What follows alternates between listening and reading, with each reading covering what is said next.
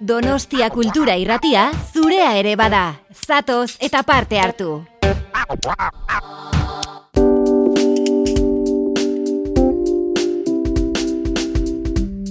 Ispilu beltza.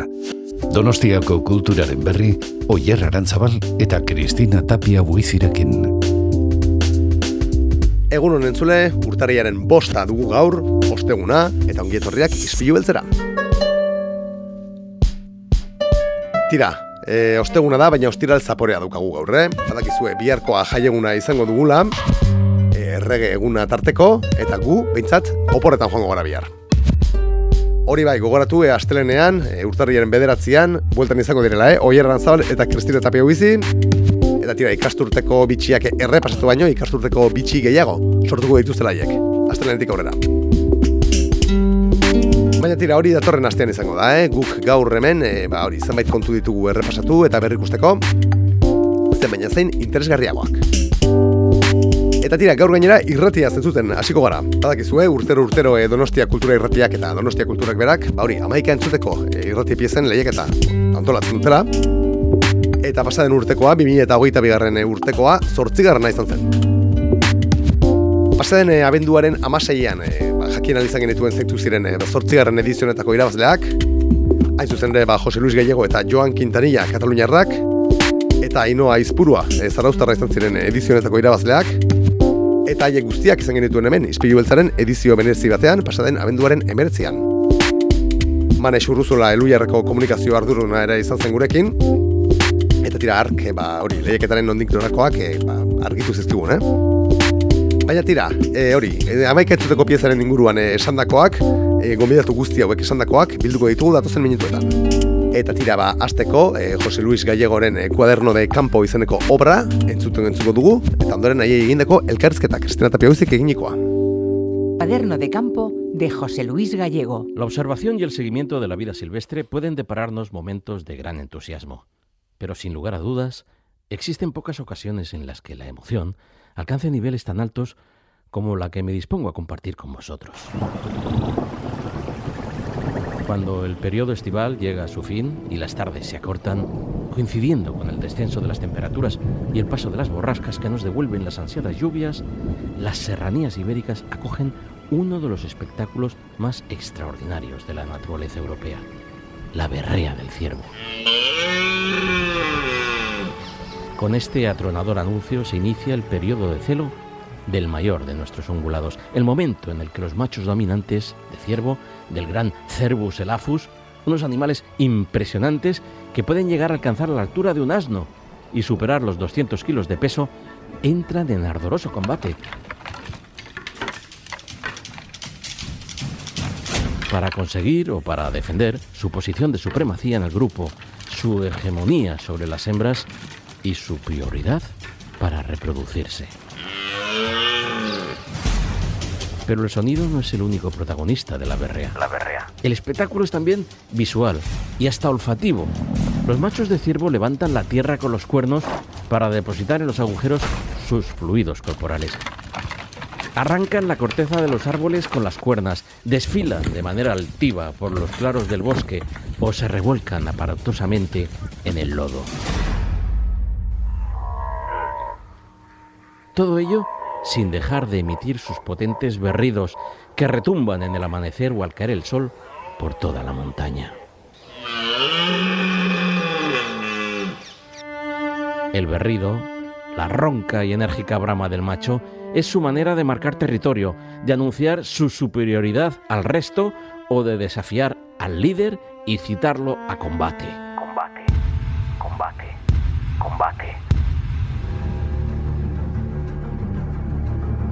Un desafío que deberán afrontar ineludiblemente y ante la mirada de los otros, hembras y jóvenes, testigos pasivos de la afronta. Algo que suele tener lugar varias veces a lo largo de la jornada, especialmente a primera y a última hora del día. En ese enfrentamiento, líder y aspirante no dudan en abalanzarse el uno sobre el otro con todo el ímpetu para haciendo uso de sus poderosas cuernas, frenar las acometidas del contrario, doblegar su fuerza hasta perseguirlo después a la carrera y expulsarlo del entorno de las hembras. Este es el implacable mecanismo con el que la naturaleza ejerce la selección natural. Puro darwinismo, asegurándose de que tan solo opten a la reproducción los machos más sanos y mejor dotados, aquellos que poseen los mejores genes para fortalecer la descendencia y mejorar la evolución de la especie.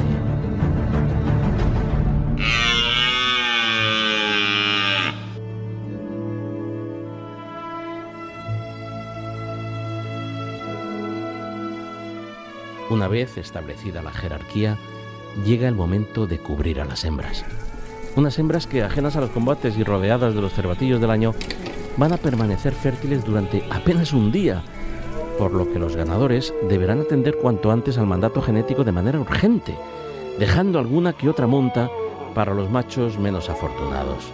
Tras cumplir con ese mandato biológico, los grandes ciervos dominantes se retiran al interior del bosque para seguir con su vida solitaria, ajena al resto de la manada.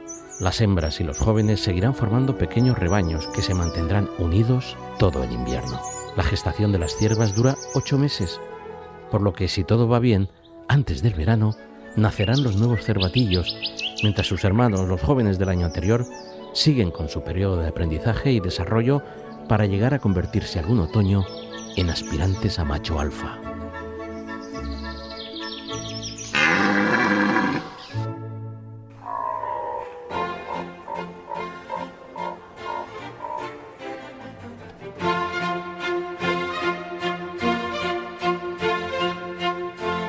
En España el ciervo común vive una explosión demográfica sin precedentes, lo que está llevando a la especie a recuperar buena parte de los territorios de los que había desaparecido. Debido a ello, existen muchas opciones para disfrutar en directo del espectáculo de la berrea en la mayor parte de nuestras comunidades. El cuaderno de campo de José Luis Gallego. Egileak telefonoaren beste aldean ditugu, Bartzelona nain zuzen ere, Jose Luis Gallego ingurumen kazetaria da, eta Joan Quintanilla irrati errealizadorea. Egunon, José Luis y Joan, ¿qué tal estáis? Eh, buen día, ¿qué tal? Muy bien. Buenos días, Egunon. Hola, buenos días. Bueno, lo primero de todo nos gustaría deciros felicidades, por supuesto, y que nos contarais eh, quiénes sois y a qué os dedicáis antes de, de empezar a hablar de, de, esta pieza con la que habéis ganado este concurso. Eh, Joan, por ejemplo, eh, cuéntanos un poquito cuál es tu trayectoria? Bueno, yo llevo ya como, el otro día lo pensaba, llevo 40 años trabajando en la radio. O sea que imagínate, ya ha pasado, ya ha pasado un ratito. Eh, actualmente, bueno, desde hace muchos años trabajo con Julia Otero uh -huh. y en el programa Julia en la Onda, en Onda Cero. Uh -huh. Y, y, me ocupo de la realización del programa. Uh -huh. José Luis. Pues yo también llevo un montón de años en esto de la divulgación ambiental. Trabajo en, en diversos medios de comunicación intentando promover la participación ciudadana en el cuidado del medio ambiente y sobre todo el amor hacia la naturaleza. Eh, en esa tesitura pues llevo también casi 20, no, casi no, más de 20 años trabajando con Julia y con Joan y ahora pues eh, en Julia en la Onda, en Onda Cero. Bueno, tenéis una trayectoria mmm, extensa en el mundo de la radio, pero aquí lo que habéis hecho es una pieza muy concreta y preciosa, que luego hablaremos un poquito de ella, pero antes de todo nos gustaría saber también cómo surgió la posibilidad de, hacer el cuaderno de José Luis Gallego, ¿no? ¿Por qué habéis elegido este, este tema y, y cómo surgió eh, esta oportunidad? José Luis. Pues mira, eh, la, el culpable total es Joan, porque sí, él me propuso la idea de hacer algo más allá de, de nuestro espacio que hacemos cada viernes por la tarde en, en Onda Cero, en Julián la Onda, y que bueno pues eh, por la por los índices de participación y por los eh, parece que funciona y él me dijo oye pues eh, vamos a probar de, de, de, ir un pasito más allá y bueno aprovechar la audiencia que tenemos y, y también pues eso, ampliar la, las posibilidades de conectar con los oyentes. ¿Y qué tal si hacemos un podcast, verdad? Uh -huh. Yo soy absolutamente profano en todos estos temas, pero él me dijo, esto es muy fácil, se trata de contar la historia como lo harías en la radio, pero simplemente que vamos a hacer una parte. Yo ya me encargo del resto, ¿verdad? y eso hicimos. Eh, yo eh, hilvané ahí una historia, trencé una especie de guion, un poquito diferente a lo que hago los viernes eh, con Julia, uh -huh. más centrado en los temas emotivos y seductores, ¿verdad? Y, y, y, y Joan se encargó, se encargó de, de, de todo lo demás, es decir, que, que él es el culpable de todo esto. Bueno, la realidad, la realidad es que con José Luis es muy fácil hacerlo porque él es un hombre apasionado que ama lo que hace y cuando alguien ama lo que hace, darle forma y vestirlo es mucho más fácil. Mira, yo siempre he pensado que la radio y en, este, en este caso el podcast, en realidad lo que tenemos que hacer es crear imágenes, ¿no? Entonces, eh, las imágenes en la radio, ¿cómo se crean? Con una intención en la voz, con un silencio, con una música, con un efecto. Todo eso metido en una coctelera y salió el, este podcast. Mm. Eh, es así. Pero, sobre todo, es fácil hacerlo con alguien que sea apasionado y José Luis lo es. Bueno, los dos diría yo apasionados porque ahí está el resultado que acabamos de escuchar precisamente.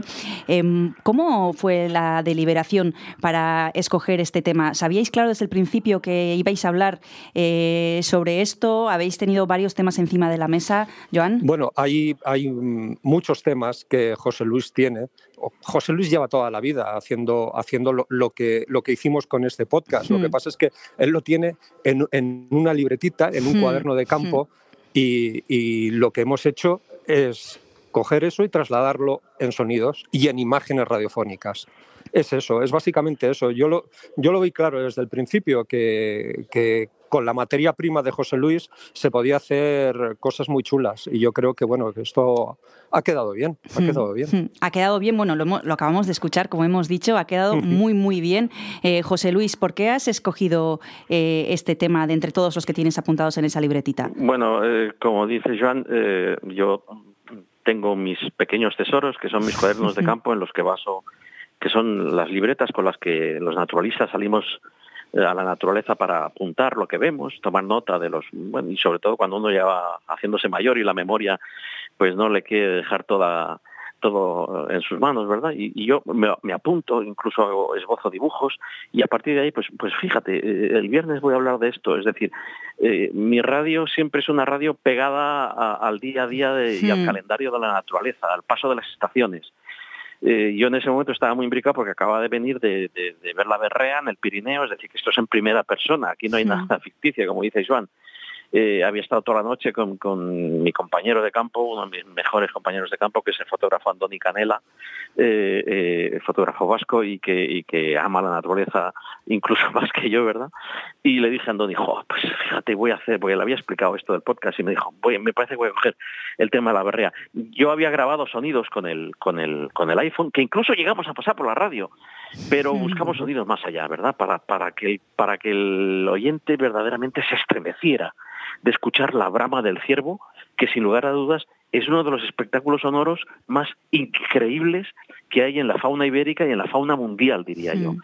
Y esto es que ha sido muy fácil, porque solamente hay que escucharlo para, para sentir ese, se, se dispara, se dispara ese instinto atávico, esa memoria que tenemos en el ADN de cuando vivíamos ahí fuera y, y- y nos estremece por completo, ¿verdad?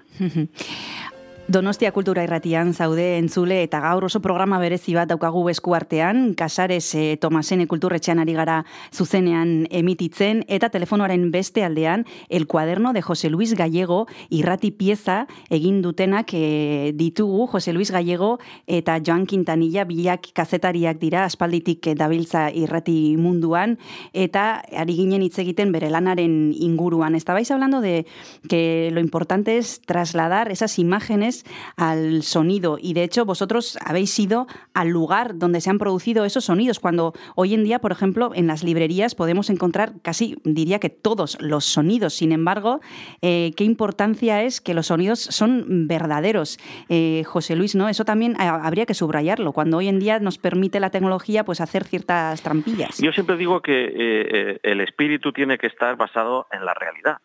Uno no puede transmitir emociones si no, si no las ha sentido previamente. Y en el caso de la naturaleza eh, es así. Eh, tanto Joan como yo somos amantes de los originales, ¿verdad? No, no nos gustan demasiado las copias. y, y- y- y en este caso, la naturaleza es muy fácil de trasladarla, porque mm, se tome por donde se tome, se maneje como se maneje, esos sonidos eh, eh, son reales, son imposibles de, de, imitar, porque tienen unas tonalidades, tienen unos colores, unas texturas acústicas que, que, son imposibles. Por eso, eh, en, en, lugar de, de, de, intentar ficcionar o de poner, decidimos ir a los sonidos reales, puros, desnudos, y no están mezclados con, con, otro tipo de sonidos, de fondo, ni no, no, no, ahí está la voz cruda y, y, y carraspera y, y, agria, diría yo, del ciervo anunciando la llegada del celo al, al bosque mediterráneo. ¿verdad? Mm. Bueno, de hecho, la yo pieza... Cuando, perdón, perdón, yo cuando, cuando esto lo, lo grabó José Luis mm. y cuando me lo enseñó, es que casi lloro. O sea, mm. No, de verdad, ¿eh? O sea, es esa sensación, porque yo no fui con él a, a hacer esta grabación, la hizo él con su iPhone y es, es una es una emoción, ¿no? O sea, con, con, el bramido, con aquel bramido te causa emoción uh -huh. y eso es lo que es lo que se tiene que transmitir. -huh. Bueno, de hecho la pieza es de lo más inmersiva, ¿no? De repente te traslada al lugar donde se están produciendo esos berridos. Eh, José Luis, decías que grabar la naturaleza es fácil. Yo, sin embargo, me imagino allí con tu iPhone eh, cerca de los animales y me parece justo todo lo contrario a algo fácil. Yo no sé eh, sí, sí. Cómo, cómo, es la parte de la grabación. No, no, no, yo soy un sim, nada, nada, esto fue un accidente. Yo simplemente puse el iPhone ahí, nada, nada. Aquí los que verdaderamente son, son, los sonor, son los sonoristas de la naturaleza y entre ellos pues mi gran amigo y mi admirado y querido Carlos de Ita, que es uno de los sí, mayores sonoristas sí. de naturaleza que hay en este país, ¿verdad? Y con el que da gusto salir al campo porque es que va con las eh, orejas como antenas, ¿verdad? Y, atendiendo, eh, y, que nos regala esos sonidos a través de sus libros y de, todas sus apariciones en radio, ¿verdad?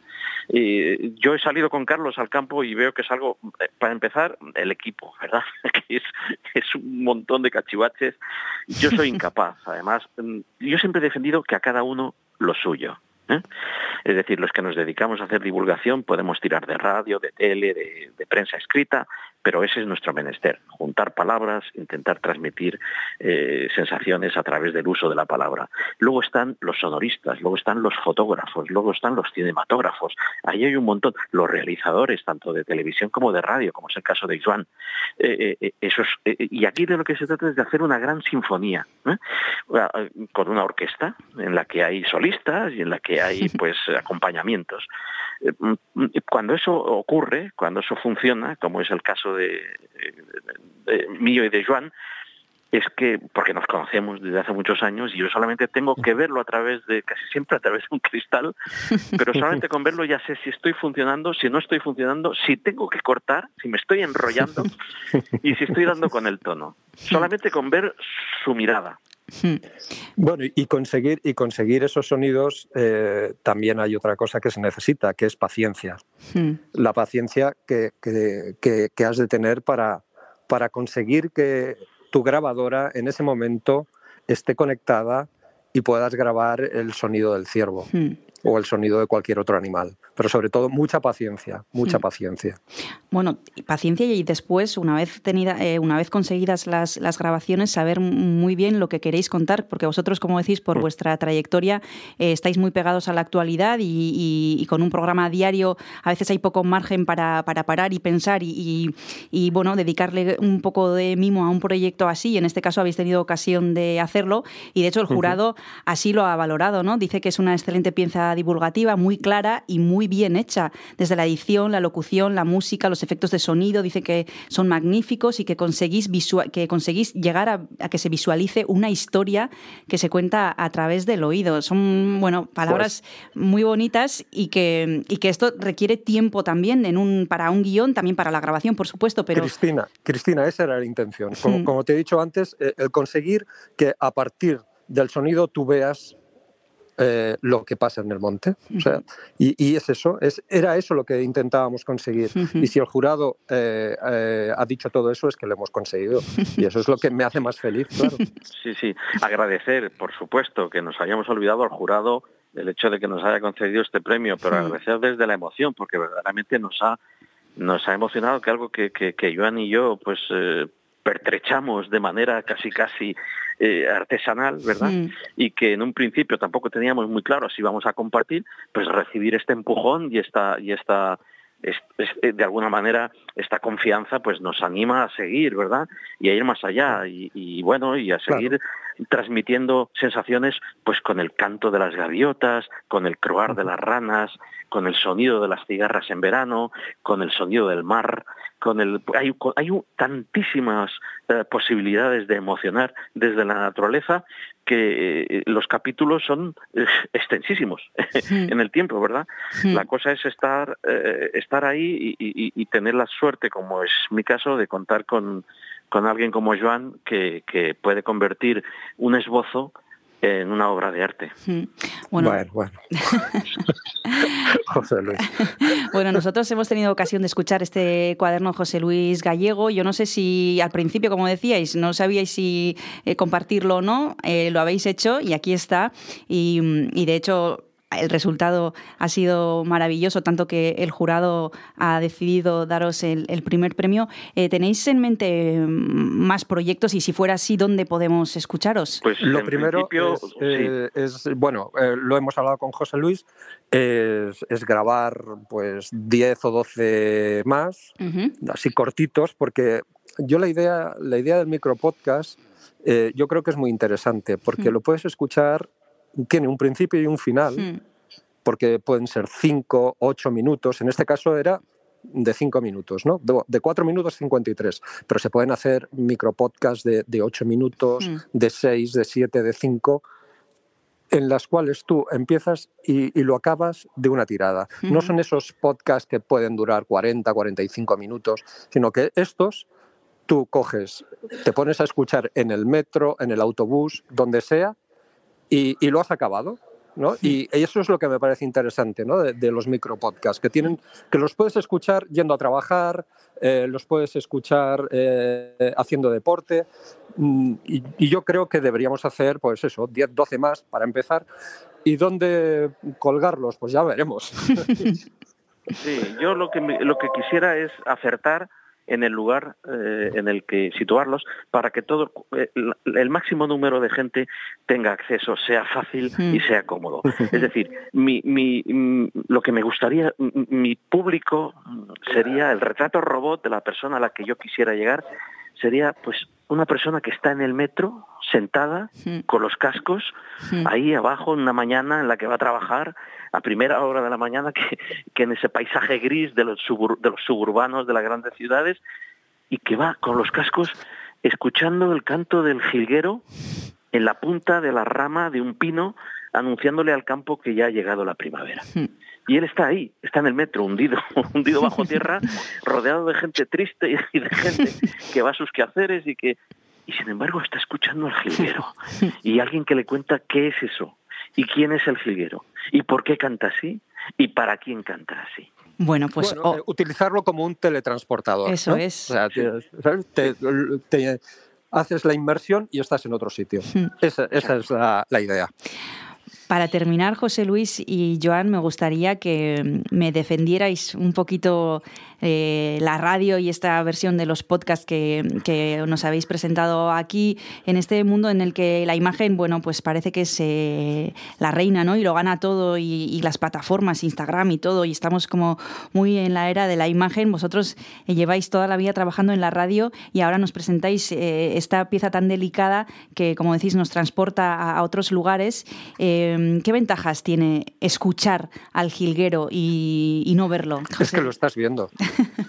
Eh, la- la- o sea, la, la intención es que tú lo veas.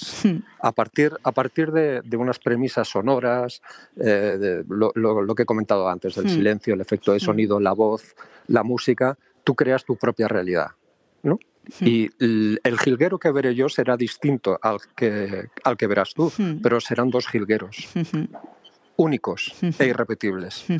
Sí, eh, eh, eh, en ese sentido la radio es imbatible.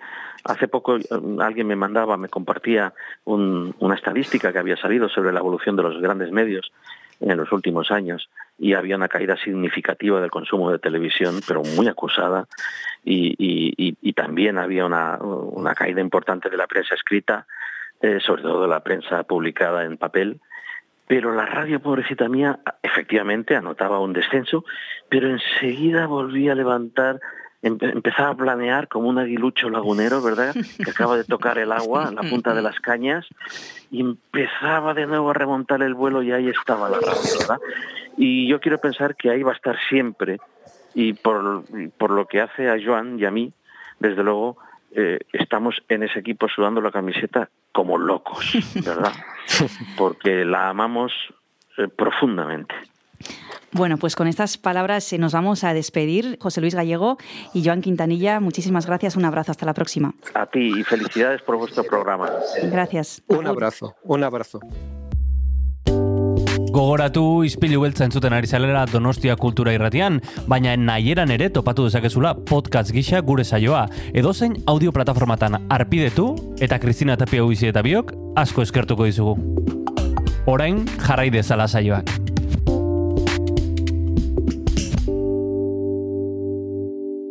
Ispilu beltzaren programa berezi bat entzuten ari zara entzule, amaika entzuteko irrati pieza lehiaketaren buruzkoa, eta oraintxe bertan entzun ditugu irabazleak Jose Luis Gallego eta Joan Quintanilla, eta aurrera jarraituz oran Ainoa Aizpuruaren txanda da. Hemen daukagu gurekin kasaresen, berak irabazi baitu euskarazko pieza onenaren saria. Tximinoa zetaz jantzi arren izena du, guazen e, pieza hau entzutera. You want a hot body? You want Bugatti? You want Maserati? You better work this. You better work this. Now get to work, bitch. Work, work, work, you better work, hori esaten diete instituzio naiz profesionalek gaztei. Landuin baldortzeko aurretik gogor lan egin behar dutela. Hasiera batean horrek zentzuduna dirudi. Baina gazteek bizitzen duten prekarietatea justifikatzeko nahiko alda. Ikasketa motaren arabera praktiken derrigortasuna eta nolakotasuna aldatu egiten da, eta esperientziak anitzak dira. Praktika mota desberdinetan hainbat ikasle eta ikasleoik izandako esperientzia ezagutuko dugu gaurkoan. Jaione Azpiazu, magisteritzako graduatua Euskal Herriko Unibertsitatean, Unai Aizpurua Ingenieritza Informatikoko ikaslea Mondragon Unibertsitatean, eta Intza Zubiarrain, Publizitate eta Harreman Publikoetako graduatua eta kazetaritzako ikaslea Euskal Herriko Unibertsitatean.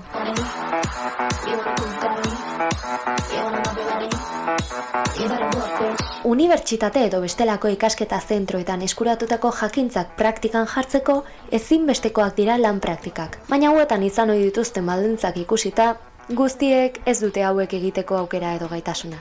Nik hiru praktikaldi okitut karrera zuan zehar, jornada osoa egiten eskoletan, eta inoiz etegu ordaindu, etegu ordaindu ez da desplazamentuan dirua galtzen onga praktikakin bitartean, eta gaina zin izan dugu beste lan batekin konpaginau, ze hori sortzi zazpi ordu sartzen ongea eskoletan, da bentsat EHUko magisteritzako praktikako ladiala.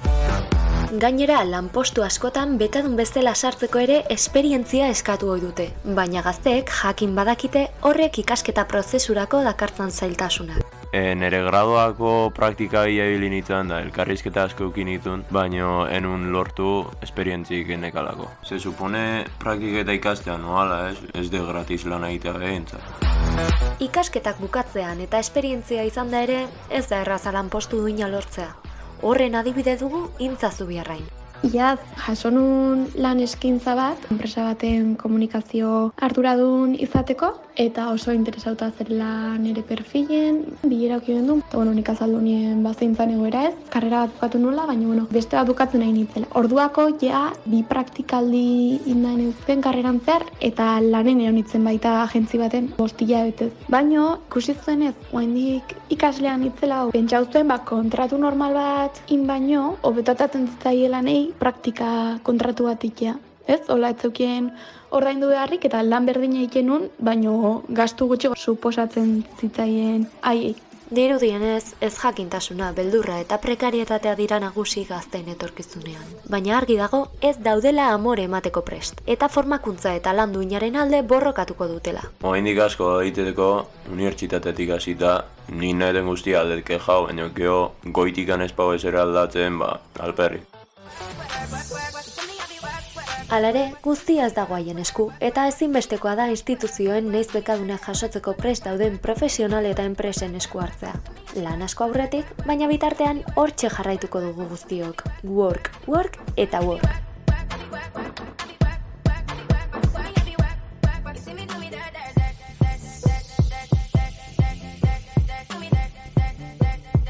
Ainoa Aizpuruaren tximinoa zetaz jantziarren pieza entzun berri dugu, eta hementxe gurekin daukagu, gure parean daukagu. Ainoa Aizpurua, egunon, zer modu zaude? Apa, egunon, ba, oso ondo oso pozik, sari erabaziagatik. Bueno, e, lan oso impactatea da, esango nuke nik, oraintxe entzun berri dugu, baino lehenik eta behin goazen hasieratik kastera eta kontatu nortzaren nondik zatoz e, zertan zabiltza.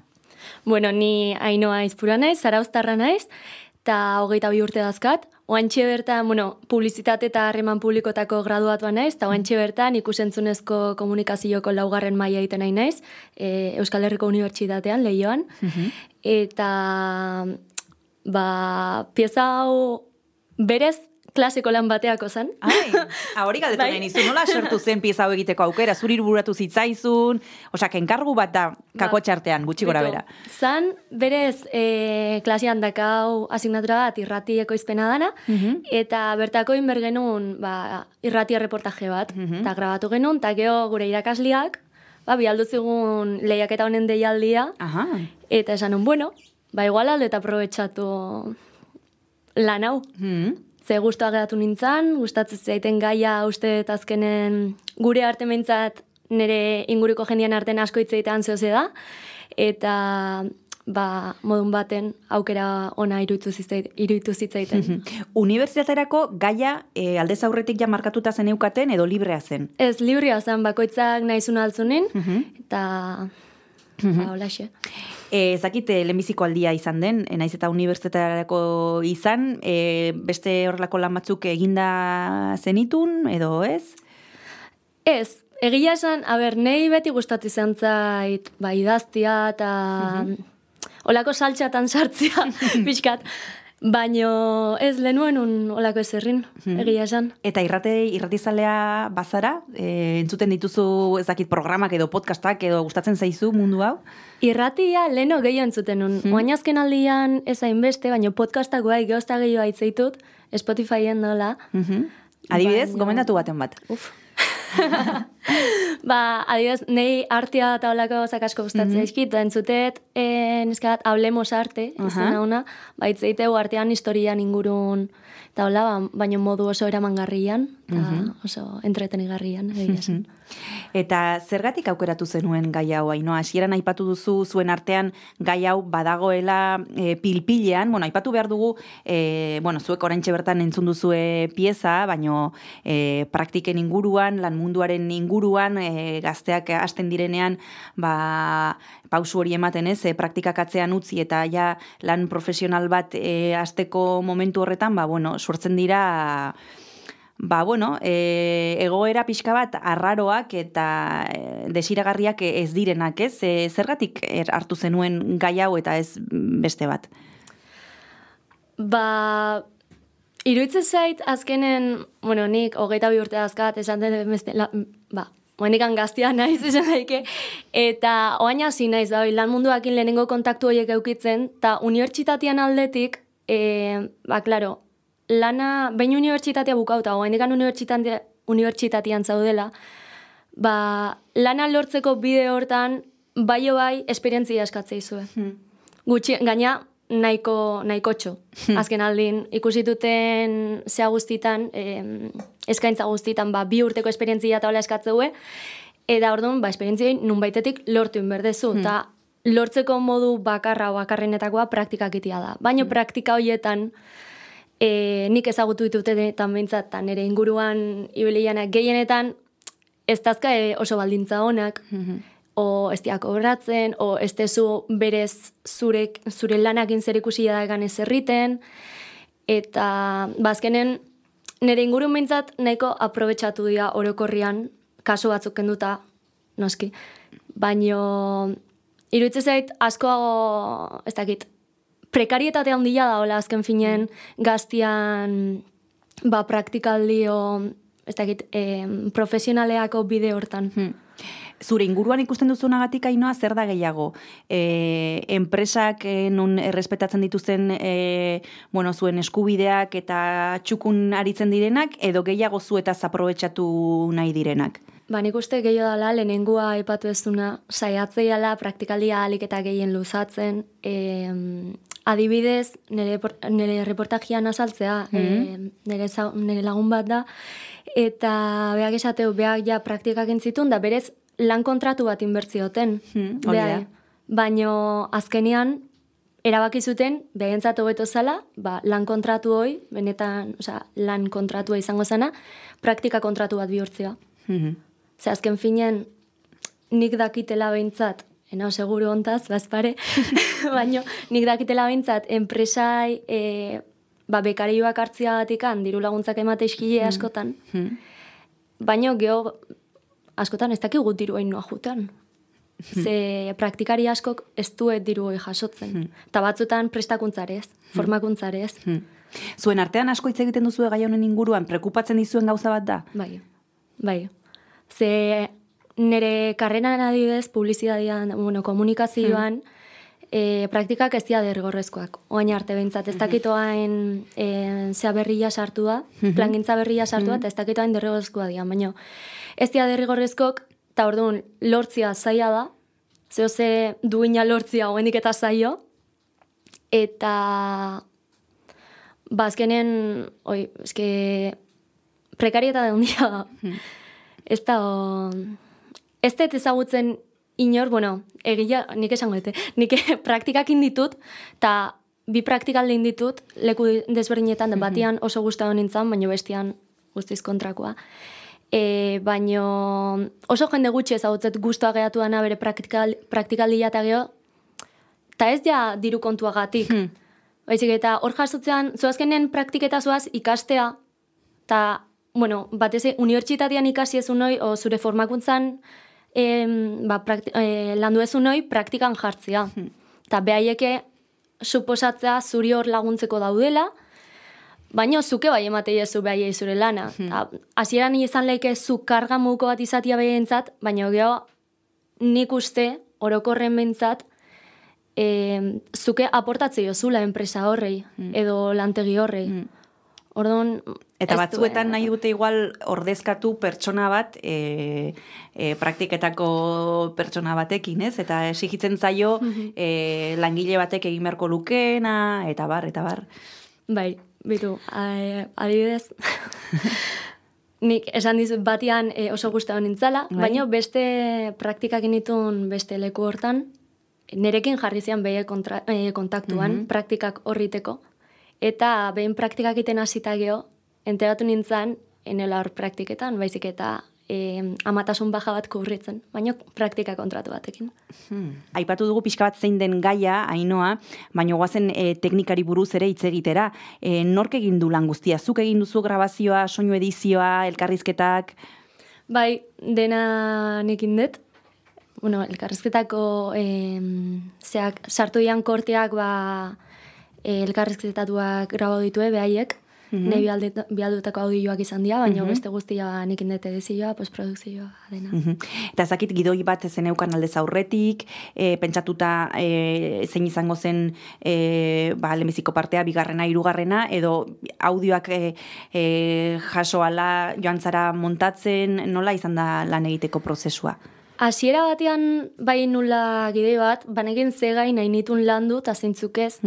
Eta bai, gidoi, oso azaleko gidoi bat inun, eta gero banekin zeintzui galdet. Osea, ze Mhm. jende em, esperientziak, osea, ezagutzen itun gauzak zian. Mhm. Orduan, eh, oi landu nahi nun, orduan behaiei eskatu nien favorez, behaien esperientzia, oi ez da hogi honi izatuta, baz pare.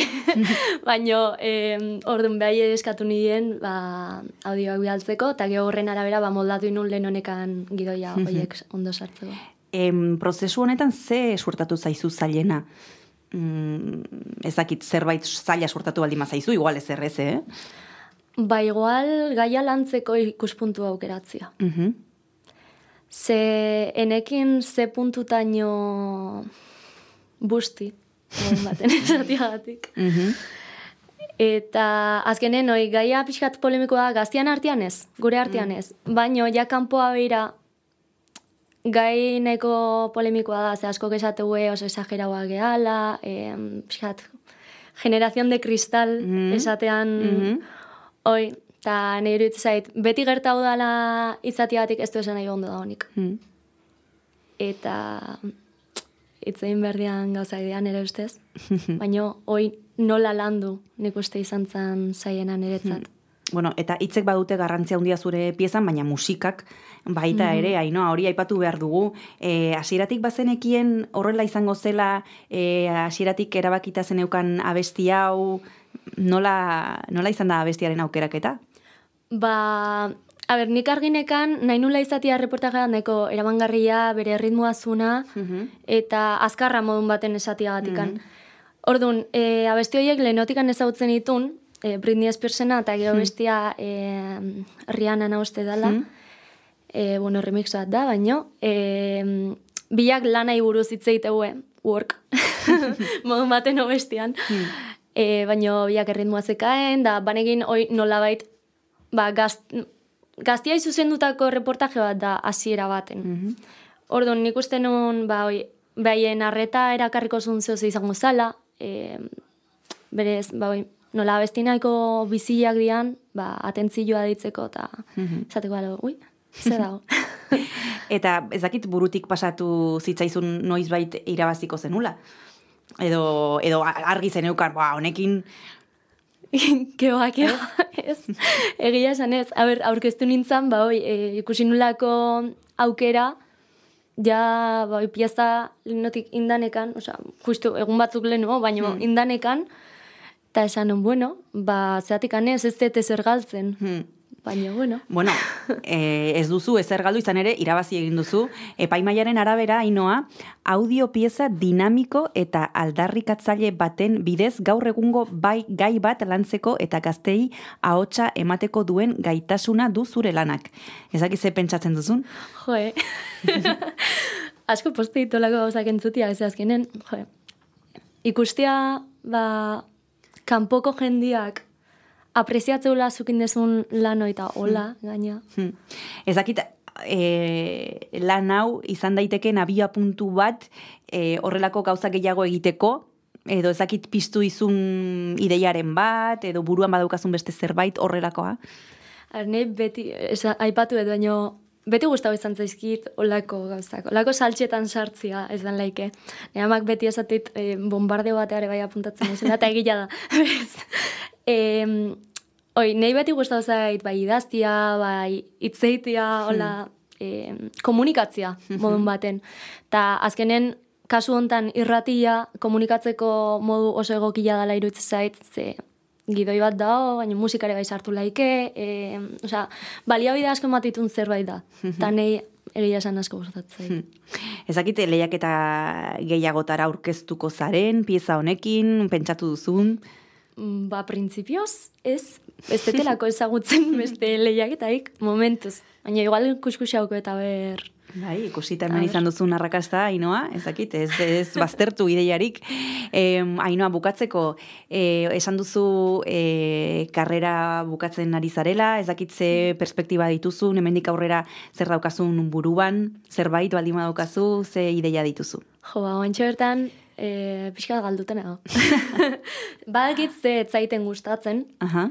Baino gauza asko gustatzen zaizkit beste aldetik. Mhm. Orduan pixkat zentratu berdet eta erabaki berdet nundikan jo, ere bai, oain leku askotan ba, lan egiteko ere oainek eta formakuntzak gehiago eskatzea izue. Mhm. Eta orduan espezializatzeko bide hortan, ba, pixkat erabakiak hartu behar ditut oainek esan laike. Bueno, zuk esan duzu, baina nik ere esango dizut oso gaztea zara, hogeita bi urte dituzu, beraz lasai hartu, denbora asko daukazu oraindikan ere, eta eskerrik asko, hainoa izpurua Donostia Kultura irratira etortzeagatik, eta tartetxo bat hartuko dugu, entzule, orain segituan gara bueltan. Donostia Kultura irratia, iriko eta aldirietako kulturaren leioa.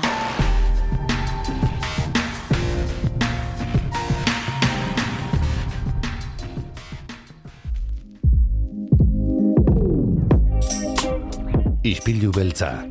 Astelenetik ostiralera, Oyer Arantzabal eta Kristina Tapia buizik zuzendua. Donostia Kultura Irratian. Donostia Kultura Irratian gaude, izpilu beltzan eta aurrera goaz programa berezi honekin. Orantxe bertan hitz egin dugu amaika entzuteko irrati pieza lehiaketaren irabazleekin eta orain epaimaikideak izango ditugu aurrez aurre.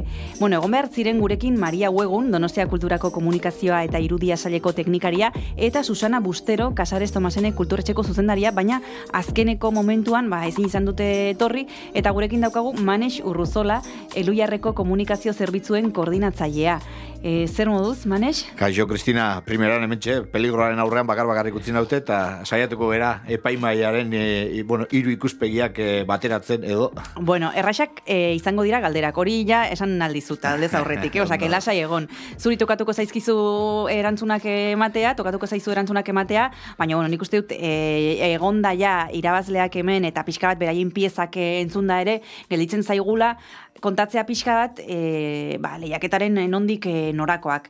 Goazen, e, azteko maniz kontatzera zer den e, amaika entzuteko irrati piezen lehiaketa, askotan hitz egin dugu hemen nonen inguruan, baina, bueno, kontatu pixka bat, lehiaketa bat da noski, e, baina, bueno, borobiltzearen, zein da helburua, nork parte, nork ardezake parte? Aha, bai, ba, e, egia esan, e, amaika entzuteko irrati piezen lehiaketaren e, helburua oso argia da, eta da, irrati pieza labur eta originalen ekoizpena eta edatzea. Hori da bere helburu nagusia. E, duela kontua da hori, duela zortzi urte jarri genuela martxan lehiaketa hau, eta eta claro, orain dela 8 urte, ba irrati pieza laburren ekoizpenak eta podcasten e, ekoizpenak gaur egungo egoerarekin esketzeukan inungo zer ikusirik. Orduan hor e, bazegon hor behar bat, ez? Ikusten genuen hemen irrati e, gure proiektuaren Donostia Kultura Irratirako eta bazegola e, olako piezak sortzeko behar bat eta Mhm. produkzioa, bueno, sustatzeko eta jendea animatzeko pentsatu genuen ekimen polita izan zitekela eta hortik abiatu zen. Eta gero, ba, bueno, azkenean urtero urtero ba, ikusten dugunez e, jendea animatzen dela eta jendea jarraitzen dula animatzen, ba, ba berriz ere guere animatzen gara edizio bat gehiago antolatzera eta hola ja daragoeneko zortzigarrenan gaude. Bueno, izan ere, orantxe bertan, Ainoa Izpuruak kontatu digu berari e, irakasleak, eskaini ziola aukera unibertsitatean, beraz, e, irakasleek ere badute lehiaketa honen berri eta ikasleen artean zabaltzen dute aukera hau. Bai, horrelako lehiaketekin esperientzia da, bai, arrankatzeak, martxan jartzea beti kostatzen dela, Hmm. baina gero ja behin arrankatzen dezunean eta, karo, e, jendearen gana iristea, gero eta erresagoa da, jendeak ezagutzen zaitu, eta eta bai, baditugu horre kazetaritza fakultatean, eta eta mm, irudi eta soinu e, eskoletan eta, bueno, aliatu garrantzitsuak, eta e, irakasle horiek, e, claro, laguntzen dute asko, ba, beraien ikasleen artean zabaltzen lehiaketa, eta bar. Bueno, ikasleak batetik, baina gero ere, edonork eman dezake izena, ikusi dugu Joan Quintanilla eta Jose Luis Gallego izan ditugu, irratian izugarrizko esperientzia daukaten e, bi kazetari. E, manes, nor, aurketu, nor aurkeztu dezake bere proiektua? Ba, e- edonork, erantzun laburra da edonork aurkeztu dezakela, ez? Gainera, bueno, baia gaur egun ere e, profesional, pieza profesional baten eta pieza amateur baten arteko muga ere oso lausoa Hmm. da. Orduan, Hmm. ba horre erabaki genuen modu kontzientean e, guke mugarik ez jartzea eta beste urtetan ba bai aurten egia esan e, palmaresa polita gelditu da, ez? Alde batetik sari nagusia irabazi dute, ba e, hamarkadatako esperientzia duten bi irratigintzako profesionalek eta Mhm. gero euskerazko saria berriz irabazi du a kazetaritza bukatu berri eta bueno, ez, mundu profesionalean e, lehenengo pausoak ematen ari den batek e, eta baina beste urte askotan ere gertatu zaigu, lehen urtean adibidez e, sari nagusia irabazi zuten e, e, soinu, bi soinu artistek eta lokuzioko irakasleek eta gero euskerazko saria irabazi zuen, ba, bueno, ba, e, donostiako iritar arrunt batek ez zeukanak e, irratiarekin eta kazetaritzarekin inungo loturarik. Eta atzera joan da, ba, bai, denetik izan ditugu ikasleak, izan ditugu irrati afizionatuak, izan ditugu irakasleak, denetakitik izan dugu. Bueno, hori e, aurkeztu aldiren e, profilak e, aztertzen baditugu, baino lan mota zein izan daiteke manes, e, iraupena, hizkuntza, e, fikzioa, erreportajea, divulgazioa, hemen ikusi ditugu bi adibide oso diferenteak direnak, e, zelan mota aurkeztu aldu pertsona batek? Ba, horre egia esan, e, guztiz aske guzten dugu gaia, ez da? E, bai, muga bakarra da, e, izan behar duela, e, piezak, muga nagusia da, piezak izan behar duela bost minutu baino laburragoa. Mhm. Hor dago muga, ez? Bost minutu baino laburragoa, bueno, gauza asko egin daitezke bost minutu baino gutxiagoan. Eta gero hizkuntzari dagokionez, ba, e, piezak izan behar du euskeraz edo gaztelaniaz. Bi hizkuntza konartzen dira lehiaketarako. Beraz, euskeraz eta gaztelaniaz izan da, eta bost minutu baino gutxiago laburtze e, irauten baldin badu, ba, hor, ja, hortik aurrera muga gutxi dago. Aurkeztu daiteke e, erreportaje bat, aurkeztu daiteke divulgazio pieza bat, aurkeztu daiteke e, irrati fikzioa, ipuin, e, bueno, irratirako prestatutako ipuin edo antzerki bat, e, bai, formatoa guztiz askea da, eta iza, izatez, ba, hoiek denak aurkezten dira urtero urtero. Eta jendearen profila ipatu dugu zeinek eman, eman alduen izela, baino zeinek ematen du izena. Orain arte ze jende motak eh, eman du izena, batez ere eh, jubilatuak, gazteak, eh, emakumezkoak, gizonezkoak, Bueno, en, jubilatu gutxi esan behar dut, eh? Bai, nik uste, ber, zortzi edizio hauetan, bai, jubilatu Lanpetuta gutxi daude. ditugu. Bai, eh, jubilatuak aurkeztu izan direnak, eh, aurkeztu izan dira tandema eginez, ba, edo semealabekin edo, Mm. edo bilobekin. Horrelako Mhm. batzuk aurkeztu izan du dira, adibidez, amona bilobak, eta Mhm. horrelakoak aurkeztu izan dira, elkarrekin pieza bat aurkezte. Eta bestela, ba, e, ditugu ikasle asko, kazetaritzako eta eta e, soinu eta irudi ikasketetako ikasle asko, e, kazetaritzako profesionalak ere bai, e, aurkezten dira, desente, eta gero, ba, ba norbanakoak, ez, e, irrati afizionatuak, edo bestelako, ba, e, askotan ere da, bueno, ba, gai jakin baten inguruan interesa duen jendea, eta orduan gai hori egokitzen du podcast formatora edo irrati pieza labur formatora, ez. Mhm. Eta saria, zein da? Zer irabazi dezakete? Bueno, sariak dira, e, hauek e, hasieratik mantendu ditugu, e, lehenengo ediziotik, eta da, sari nagusia zortzireun euroko saria da, eta gero dago, e, bigarren sari bat, e, seireun eurokoa, ez? Normalean esaten deguna da, bueno, sari nagusia zortzireun euro ditu, eta gero, e, sari nagusia ez badu irabazi euskerazko pieza batek, euskerazko aurkeztu direnen e, pieza guztien artean, euskerazkoetatik onena denari, gordetzen zaio seireun euroko e, beste saria. Ez? Orduan, Mhm. noski, e, izan daiteke euskerazko pieza batek irabaztea sari nagusia, Mhm. hori gerta daiteke eta gertatu da urte batzuetan, baina e, errealitatea da, egia esan, urtero urtero askoz pieza gehiago aurkezten direla gaztelaniaz euskeraz baino. Eta Hmm. orduan bakarrik estadistikagatik ere, ba, edizio gehienetan sari nagusia gaztelaniazko pieza batek irabazi du, eta gero seireun euroko saria eraman du euskerazko pieza batek.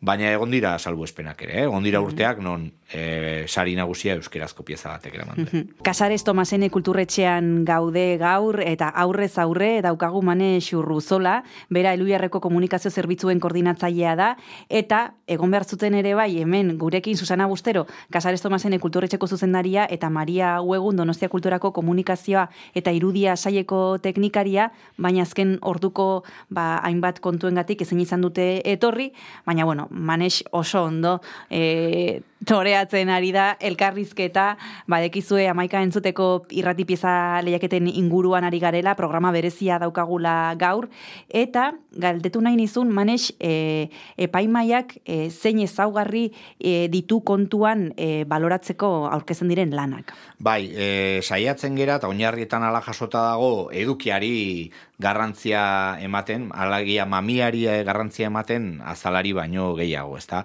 E, noski, e, e, piezak txukuna izan behar du eta eta e, ongi bukatutako pieza bat izan behar du, baina bueno, bikaintasun teknikoa baino gehiago saiatzen gera, ba, piezaren originaltasuna eta edukiaren interesari garrantzia ematen eta oinarrietan horrela jasota daukagu. Eta nolakoak izan dira aurten eh, jaso dituzuen lanak? E, ze maila izan dute, gutxi gora bera, pozik zaudete jasotakoarekin? Bai, ba, nik esango nuke danetik dagoela. Horre urtero horlako le, lehiaketa bat aurkezten duzunean, ba, ba, bueno, ba, aurkezten dago denetik. Ez da daude pieza batzuk oso onak direnak, eta horrel pixka bat lehiatzen dutenak, e, ba, hori ez, sarietarako hautagai diren multzo bat egoten da, beste batzuk, ba, bueno, ba, ba, gian ez hainoenak direnak, eta eta gero, ba, ba, bueno, denetik, denetik dago, ez da, e, noski, hain irekia egiten dezunean lehiaketa bat, baina nik uste horrek ematen diola ere lehiaketari aberastasuna, ez da, jendeak animatzeak eta eta erabat e, askea izatea, e, eta beraz, e, edo zeinek, ba, gaur egun ja, e, oso aparato simpleekin, edo zeinek bere mugikorrarekin, eta oso e, modu errexean egin dezake oso pieza on bat, eta eta horrek ematen dio balioa, ez. Kopuruari daukionez, ba, sekulako gora berak izaten ditugu, urte batzutan, bueno, e, aurkeztu izan du dira, zeite, irurogei, larogei pieza, e, beste urte batzutan berrogeita mar, beste urte batzutan askoz gutxiago, aurten adieziaz, baino gehiago berriro aurkeztu dira, Hmm. bueno, hor badirudi ez, badaudela ere boladak eta joerak, eta eta adibez pentsatzen genuen, ba, bueno, pandemiarekin eta e, jendeak etxean denbora gehiago izan da, eta sekulako, ba, igual, e, em, eh, igoera izango Hmm, zuela, hmm. baina ez ez da horrela izan, ez da, hor pixkat ko- kopurua mantendu dira. Aurten esan bezala, iaz baino gehiago aurkeztu dira, nik uste maila teknikoki ere pixka bat pusk, e, e, pauso bat gora egin dugula, ez da, koska bat e, gora egin dugula, eta bueno, palmaresean ere ikusten da, ez Hmm. piezak e, bikainak dira, Bai. oso, oso, oso pieza onak e, entzungai ditugu, oparitu dizkigu lehiaketan edizio honek, eta eta denetik izan dugu, bai asko izan dira fikzioa, naiz eta agian gero justu ba palmaresean ez dira ez dira isladatu, ez? Baina Hmm. nik esango nuke aurten e, piezen erdiak baina gehiago, ba no, fikzio natuak edo ipuin edo antzerki e, irratirako egokitutakoak zirela eta eta gero agian divulgazio piezak eta reportajeak gutxiago zirela, baina gero kuriosoki ba epaimaiak e, horiei eman die balio gehiago eta bueno, horrek agian, ez dakit, urren urterako ere pistaren bat eman dezake. Nik ezakite, Manes, horrelako esperientziak e, beste leku batzuetan e, ote dauden.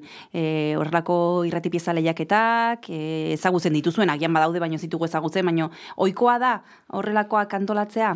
Ba, e, egia esan ez dakit, Kristina, nik esango nuke, nik bintzat ez dut ezagutzen, nik e, asko ezagutzen ditugu bideo lehiaketak, Bai, ezta? bai. Bideo laburren lehiaketak, bueno, harri bat altxatzen duzu eta ateratzen zaizkizu, pila bat, e, e, eta e, egia esan, e, duela zortzi urte guk lehiaketa hau martxan jarri genuenean, pixka bat, bideo lehiaketa horietan inspiratu ginen. Hmm. E, eta esan genuen, bueno, baina guk ekarriko dugu gurera, ezta? Eta egokituko dugu gurera, e, gure proiektura eta gure beharretara. Eta, ba, seguru badaudela, baina, baina irrati piezen lehiaketak nik ebintzat ez ditut ezagutzen, eta euskeraz e, gutxiago. Beraz, bueno, ea, ea eusten diogun honi. Bueno, eta bukatzeko, e, nik Susanari bota nahi nizkion galdera batzuk, bera ez dago zoritxarrez, baina bueno, zuri bota dizkizut, botako dizkizut ze, bazara pixka bat e, honetan arduradun, eta nahiko nuke bukatu galdetu ze manes, e, bueno, Donostia Kultura irratiak hemen hainbat e, ekimen egiten ditu, eta hoien berri ere e, eman nahiko genuke, kontatu pixka bat hemen e, zer egiten duzue Casares Tomasene kulturetxe hontan. Bueno, Casares Tomasene kulturetxea da, hori da, kulturetxe tematiko bat, eta beraz, eh, Mhm. bai, beste ikastaro asko eta eskaintzen dira, ba, zeramika eta bestelako kontuak, baina, e, bueno, kulturetxearen goiko solairua oso berezia da, ba, irrati estudio hauek e, ditugulako, ez da, Mhm. e, altxor txiki bat da, Bai. e, largoita mar garren amarkadako e, azpiegitura bat da, baina berriki e, berritutakoa, hau da, e, duela hogeita mar urte nola egiten zen, eta orain nola egiten den e, irratiak ba ez dauka zerikusirik, eta gu ere egokitu gara, ez? E, dena digitalean emititzen dugu, online emititzen dugu, hogeita lau orduko emisioan,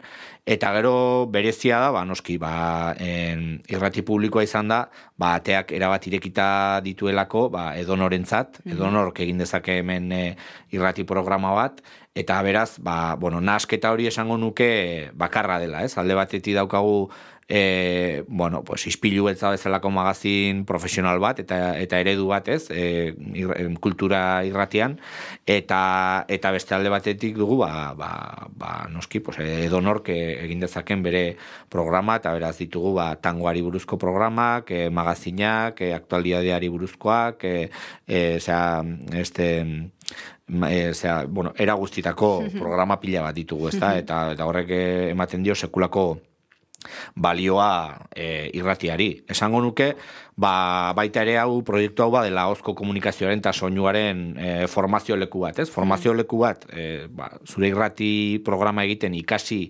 dezakezulako arituz, ez da, e, eginez, eta eta estudioak herritarren zerbitzura daudelako, baina baita ere gero, ba, ikastaroak kontrolatzen direlako hemen eta eta gainera egokitutako ikastaroak, hau da, zuk egin dezakezu e, irratigintza klasikoaren ikastaro bat, e, ba, Euskal Herriko irratigintzako e, profesional oso esanguratsuekin, baina baita ere egin dezakezu e, podcast gintza ikastaro bat eta egin dezakezu online irratirako ikastaroa eta bueno, beste bat ikastaro, ez? Bueno, ba, nik uste dut urbilketa polita egin dugula, bai amaika entzuteko irrati pieza lehiaketara, baita Donostia kultura irratira, eta Kasares e, Tomasene kulturretxera ere. Eskerrik asko, programa berezi hontan parte hartu zuen guztioi, hasieran izan ditugu Jose Luis Gallego Joan Quintanilla, irabazleak, gero Ainoa Aizpurua, berak irabazi duelako Euskarazko piezarik eh, onena aurkeztu zuelako. Susana Bustero eta Maria Huego aipatu behar ditugu hemen egon behar ziren, baina ezin izan dute etorri, eta e, paimaikideen ordezkari manes urruzola izan dugu, eta kristalaren beste aldean telmo trenor. E, besarka da bat, eskerrik asko eta horrengor arte. Mi esker, Cristina. Agur.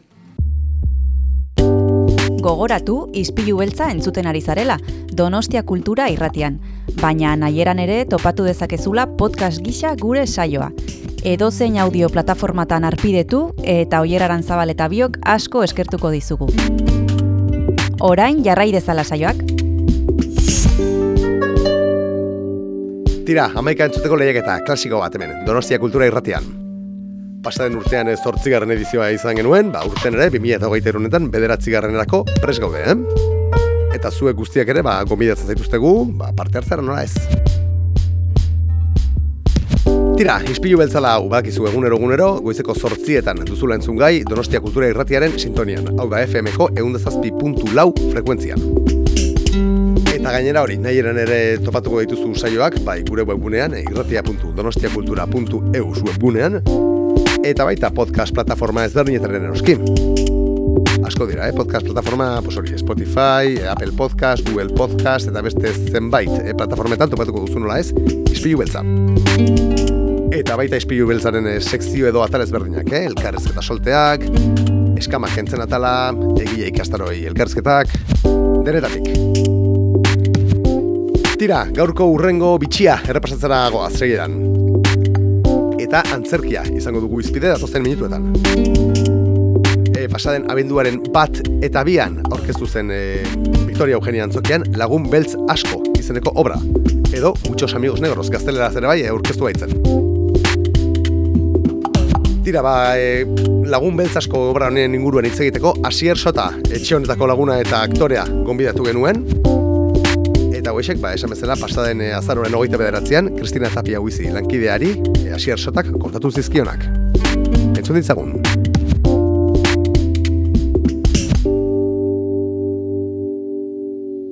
Izpilu beltzan antzerkiari buruz arituko gara gaur, hasieran iragarri dugun bezala, lagun beltz asko antzeslana ekarriko du ados teatroak, antzoki zarrera, abenduaren batean eta bian, eta guk gaur, hasier sot aktorea gonbidatu dugu.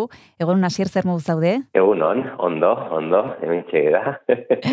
bueno, antzeslana ekarriko duzue, ados teatroarekin batera, lagun beltz asko, bere bertsioa gaztelaniaz ere izango duena, Asteko eta gehiegi kontatu gabe ere hasier zer kontatzen bai. duzue lan honetan? Zein da planteatzen duzuen gaia? Bueno, e, e, argumentua pixka da e, taberna batean kokatzen da, bai? Uh -huh. e, ilun nabarra da e, tabernaria ja taberniztekotan dago, eta ja iztear dagola e, bere lagun min bat e, agertzen, aspaldiko lagun e, bat. E, Mm, bat enpresa eta bestearen e, egotekoa pixkate, bueno, e, itxiera hori luztatu egingo du, baina e, hortan daudela trago bat hartzen nahi diala, ez? Erabakitzen bueno, trago bat hartu eta ba, eta itxi ingo du, eta bago bat etxera. E, momentu horretan, e, ate jokatortzen da e, etrokin bat, bai? Orduan, e, beste irugarren pertsona honen e, sarrerak, e, luztatu egingo du ja tabernako itxiera hori, eta horre aterako dira, e, hor, ez eta lako salda bat sortuko da, e, nola, pues, bai bien arteko, bi lagunen arteko harremana, harremanean iskutuan zauden e, sekretuak edo gauz asko ritzegin gabe zauden gauzak aterako dira, e, reprotxeak, e, bestearekiko, hau da, e, etorkinarekiko baita ere, e, bateko ikuspunto oso arrazista, Orduan eh, horrek ere ez du lagunduko e, egoera hobetzen, ez, eh, orduan hoge- e, egoera geroz eta okerrera egingo du, bai. Hemen ikusten den gai nagusia, da, e, arrazakeri alde batetik, e, bestetasuna, bai, e, otre da, esaten dana, eh?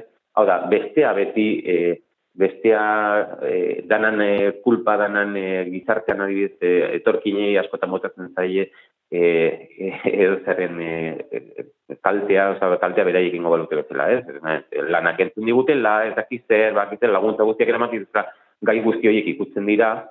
Orduan, e, hor sortzen da olako, e, oza, zurrun bilo bat, e, ez diena tabernatik e, atetzen utziko, ez? Eta zein e, tokatu zaizu zuri gorpuztea? Ze pertsonaia da zurea, hasier? Bai, bueno, e, bi bertso egiten ditugu e, lagun beltzasko e, euskeraz, Bai. eta muchos amigos negros da, bai. E, nik, e, nik eta Ramon e, Ibarrak, e, bi pertsonai aldatu egiten ditugu Ah. arabera. bai, e, nik euskerazko bertzioan e, Luis egiten dut tabernaria, eta e, berak basir egiten du, basir da etorkina. Bai?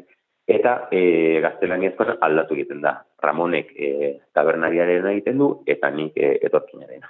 Eta Asier Ormazak ez du aldatzen, Asier Ormazak bere pertsonaia mantentzen du dibertsioa. Eta nolakoa da e, lan egitea horrela? E, jakinda zuri tokatuko zaizula e, batzuetan pertsonaia bat egitea eta aurrengoetan beste bat, ez dakite perspektiba horrek e, zerbait aldatzen duen zure e, lana edo enfokatzeko modua, ez dakit? Mm, Bai, e, hasiera batean e, e, zaila da, ez? E, hau da, e, bi pertsonaia ezberdin zeharo ezberdinak egiten naizea, batek dakan impulso, osea, impulsoak oso kontrakoak dituzte, bai, bi pertsonaiek, eta e, batek testo izugarri handia doka, eta bestea gutxigo, horrek eto esan nahi gutxiago dokitzeratik erresagoa da ni.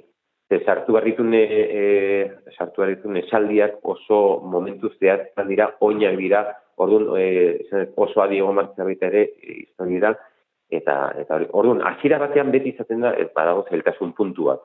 E, gero demorarekin ensaioak e, aurrera joan ala, e, bueno, lehuntzen di joan da zailtasun hori, eta ja ulertzen zoaz, e, bai bi personaien e, e, impulsoa, enfokea, eta obra guztiaren e, enfokearen, da?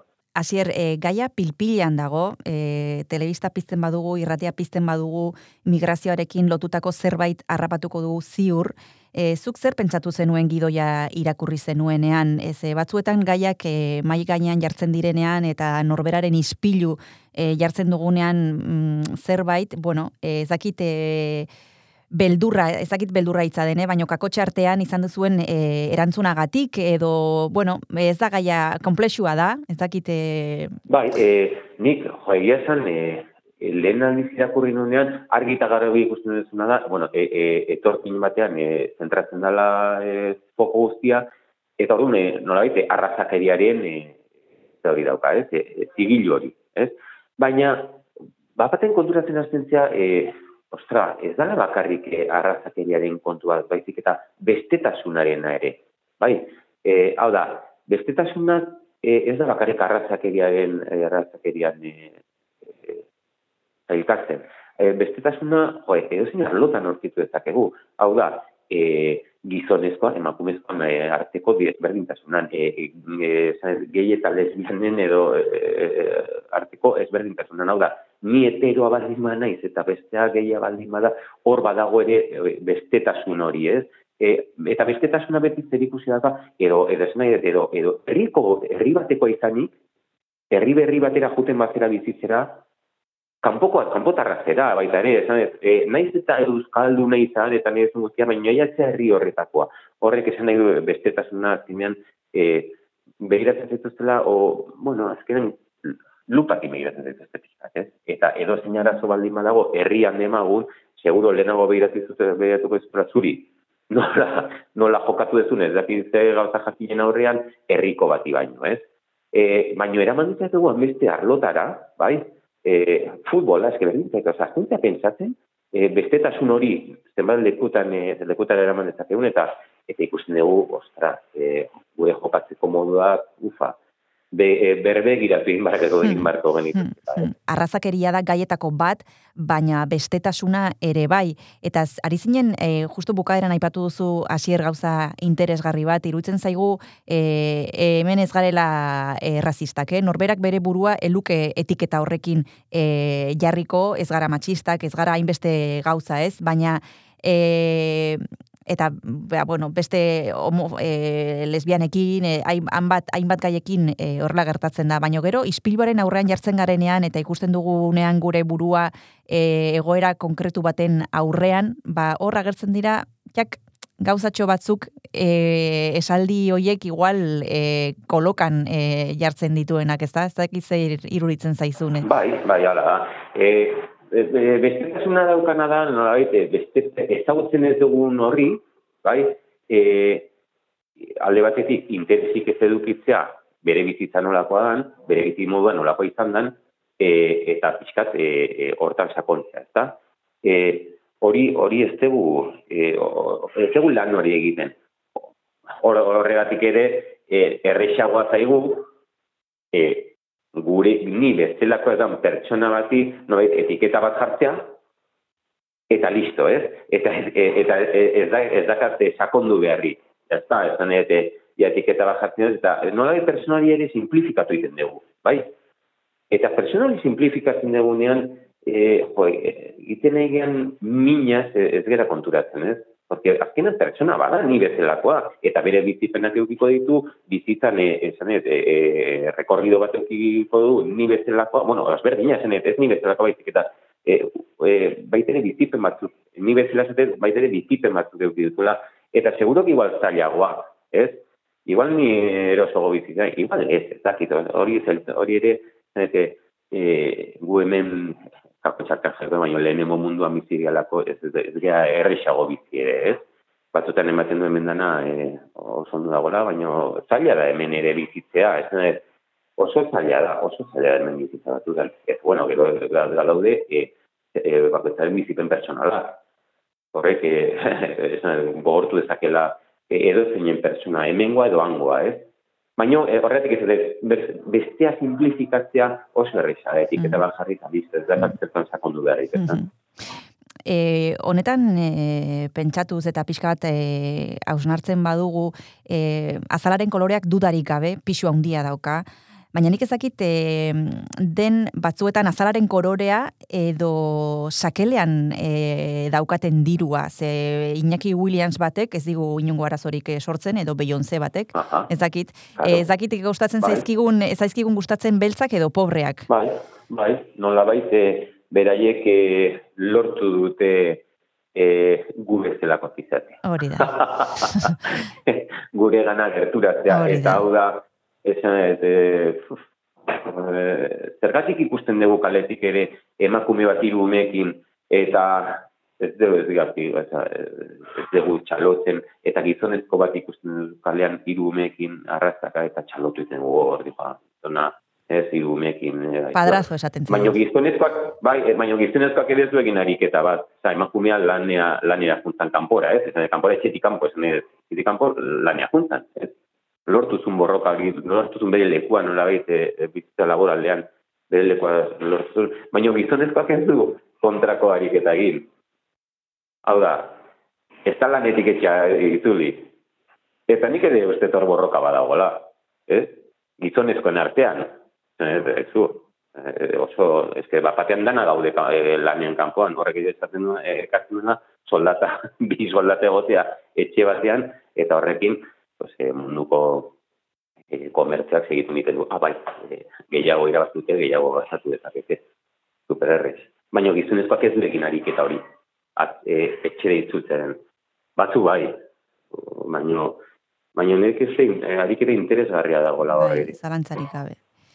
Bai, horregatik ez zer ikusiak ala beste horrekin, ere, emakumea nola baiz, ez lortu du gizonezko bezala izatea, ez da? Bai. Angora egotzea, bere lanpostua aurkitzea, etxetik kanpo, baina gizonak ere igualin barko duke beste hori, ez, beste lan hori. Eta Bai. latzerak egin da, berreskuratu baita ere oso garrantzitsua den zerbait, ez, etxea, Mm. etxea zeintzea. Bai. Eta zen garrantzitsua den bestearen lekuan jartzea pixka bat behintzat. Eta horren inguruan ere ari da e, zuen e, lana, laguntz beltz asko, lagun beltz asko, muchos amigos negros, asier. Bigarren tartea hartuko dugu eta orain bertan jarraituko dugu zurekin hitz egiten. Oso, ondo.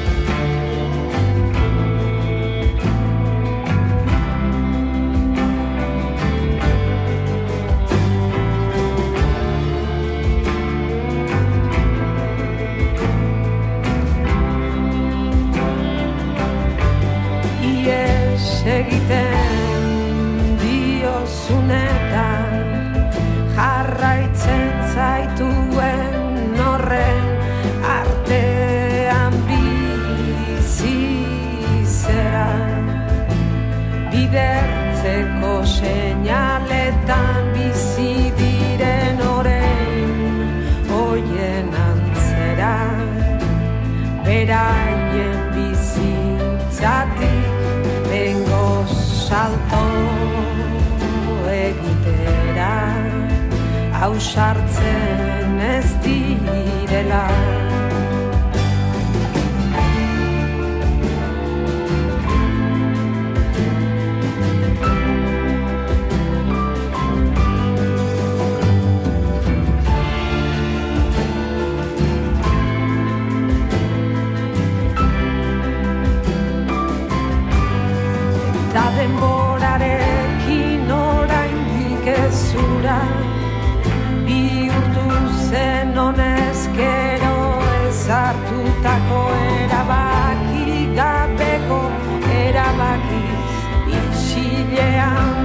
desagertzen diren espezioien antzera itzaltzen ari zera.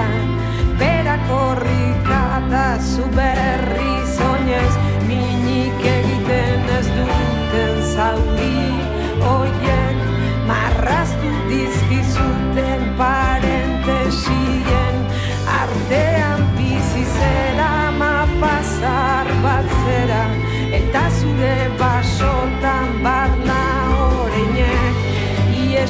batetik bestera kotxeko argien artean.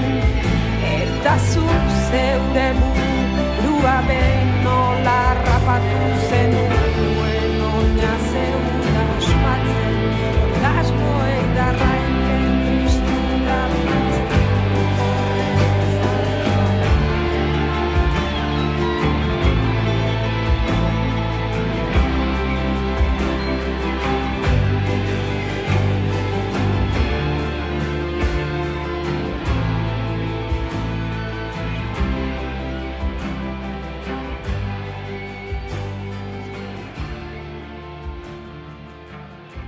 Donostia Kultura Irratian jarraitzen duzu, hemen gaude izpilu beltzan gaur antzerkiari buruz hitz egiten ari gara, abenduaren batean eta bian arratsaldeko zazpiterrietan antzoki izarrean lagun beltz asko, muchos amigos negros ikusteko aukera izango dugu, eta guk aktorea, aktoretako bat gonbidatu dugu, Asier Sota, aipatu duzu Asier Asieran, e, tokatzen zaizula bi paper egitea, eta gainera bi hizkuntzatan hori da ja e, doble tira buzon, edo ez dakit nola deitu, nik ez dakit e, lan hontan eta prozesu hontan zer suertatu zaizun zailena hizkuntza, e, da, e, horrekin ohituta zaude ja, edo bi paper horiek egitea, ba, egonda korapiloren bat e, prozesu hontan? E, ez, ez, egia esan, e, neko modu e, politian junda, e, zait, esan, edo, garbi zuzen, e, zuzendaritza, garbi losa dago da, Bai, zuzendaritza lanean, e, e, ni oso eroso sentitzen naiz e, berarekin, haino aier bere onda la, e, zuzendari laguntzaile bezala, horrek ere, e, oza, esan, bi pertsona horiek horre e, gure aurrean eukitzeak, jo, asko laguntzen du, ezta? E, hori batetik. Eta bestetik esan, e, e, zailtasunak lehen e, aurrea arretik esan duten bezala, zailtasunak beti hasieran nahiko handia dira, nik beti esate, eta hau da zaldi bat bezala, domatu beharreko zaldi bat bezala, hasieran gainean esertzentzea, eta lurre erortzentzea behin eta berri. Eta azkenean poliki-poliki domatzen zaz, ez? Eta ja, bueno, e, bin arteko harremana, obrak ja zaitu botatzen, baizik zuk ere laguntzen duzun noraka eraman, eta ja domatzen hazen zera hori, ez? Bai. Aipatu dituzu Garbi Losada eta Ainoa Aierbe eta haien inguruan ere galdetu nahi nizun hasier nolakoa da Bai. e, beraien lana eta nola da beraiekin lan egitea. Ba, egia zan, e, garbirekin e, mila irugarren e, montajea dau, eta jo, ba, bidean, esan, bidean aurkitzea bera, e, pues, oso gauza zora garbi bat izan, da, pertsona bezala eta profesional bezala, bai? E, niretzat izan da, pues, e, opari bat, opari bat bera aurkitzea. Eta dakan lan egiteko modua, e, bera ensaiotara etortzen da ja, obra oso oso ondo ezagutzen dula. Inor baino beto ezagutzen du obra. Eta jo, horrek asko laguntzen du. Asko laguntzen du. Ze pista zila bat ematizkizu, e, pixka galduta zaudenean segitu, kokatzen zaitu oso, oso errez esatizu hau hau gola da, e, e, honeatik egiten du. Eta gero askatasun hau dizuzuk ere zure gauzak ateratzeko. Hori ere garrantzitsua da. Eta ainoa, ainoa, e, osan, nahi, ikaragarrez aktorea, eta ikaragarrezko e, zuzendari zaldanean ere oso nahi dana. Eta aktore izanik ere asko laguntzen du, baino, ez nahi, baino gero kibarrezu zen hori, zuzenteko zen hori, laguntzeko zen hori, ez? Bai. Eta ainoak ere oso ondo egiten du, oso ondo laguntzen du, Mhm. oso ondo laguntzen dute biek, biek oso dute. Hasieran esplikatu dugu tokatzen zaizula segun eta ze hizkuntzatan ari zaren pertsonaia bat egitea edo bestea, hasier hizkuntzarena ere nahiko nuke azaltzea. Antzeslana gaztelaniaz eta euskaraz eh, egiten duzue, baina hizkuntza bakoitzak ditu bere ñabardurak, eh, bere gauzak eta nik ezakit eh, ja ohitu zaren horrela lan egitera, zaila egiten zaizun, kostatzen egiten zaizun hasieran sartzea eta gero ja oso errex egiten duzun, baina niri e, horretan pentsatzeak ematen dit buruak e, buelta, ez? Eta esaten du, jo, nola bereistu bi hizkuntzak eta, bueno, ez dakit nola, nola egiten duzuen zuek. Ez, e, bueno, ni behintzat ez dakit e, pertsona bakoitzak esan marko luke, baina nire agiz personalki e, ez zaila egiten. E, azkenean, e, e, historia berdina da. Osa, bizidezu, e, antzestezun historia hori, o gertaera hori, berdina da bizkuntzetan.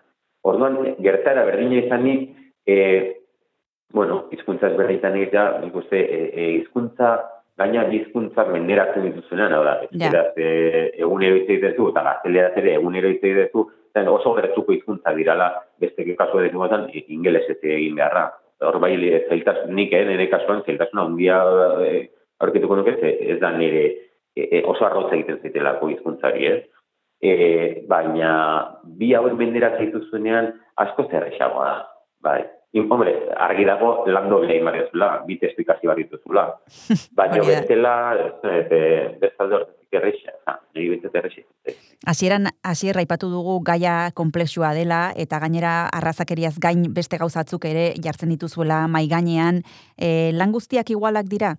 E, bueno, ez dakit e, barrua modu berean astintzen dizuen e, ba, lan batek eta besteak, ez dakit e, poso batek, e, poso bat uzten duen e, gauza batek, edo, bueno, edo bata bestearen ondotik eginda, ba, ez dakit e, denborara dagoen pentsatzeko, eta adibidez gai honek e, planteatzen ditun gaietan pixka bat hausnartzeko. E, nik uste da, antzerkilan bakoitzak bere bere kodigoa ditula eta bere gaia ditula ikutzen dituna. Osea, bakoitzak gai bera, hori argi dago, ez? Antzerki obra bakoitzak mundu bada. Eta gai ezberdina ditu abaniko bat. E, politena da, nolait, zugandik atetzen dituzula hor jarri bar dituzun osagaiak. Hau da, e, zure bizipenetatik edo edo bizitu igual ez zu e, o, modu horretan bizi, baino igual antzeko zerbait bizi izan duzu eta posible duzu hortik e, hor- hortik heldu eta hori e, holtza gainean jarri, ezta? Orduan bai dago beti, naiz eta drama bat izan edo komedia bat izan, badago e, zugandik, osea, zugandik atetzen den e, zeo zer, ez, edo dana, esan ez, e, dana atetzen delako e, ez, bere, bizipenak eman dioten e, guzti hori bagazo hortatik, ez, hortik atetzen dugu dana.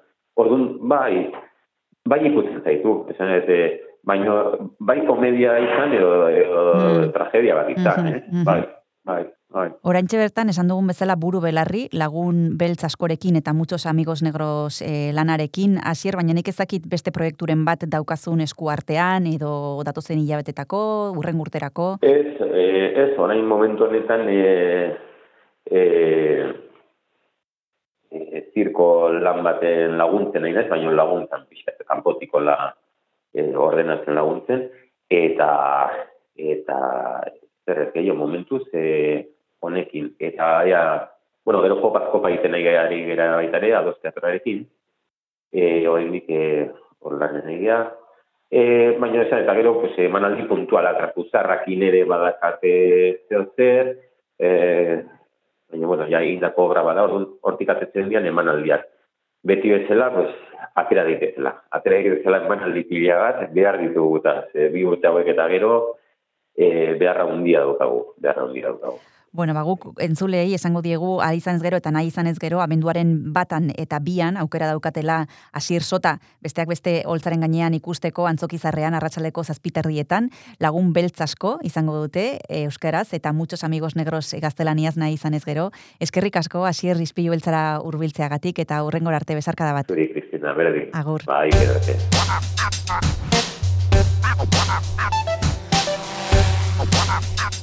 Donostia Kultura Irratia. Zabaldu gurekin Donostialdeko kulturaren leioa.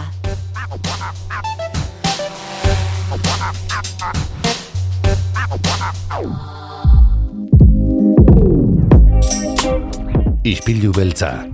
Astelenetik ostiralera, Oier Arantzabal eta Kristina Tapia Buizik zuzendua. Donostia Kultura Irratian.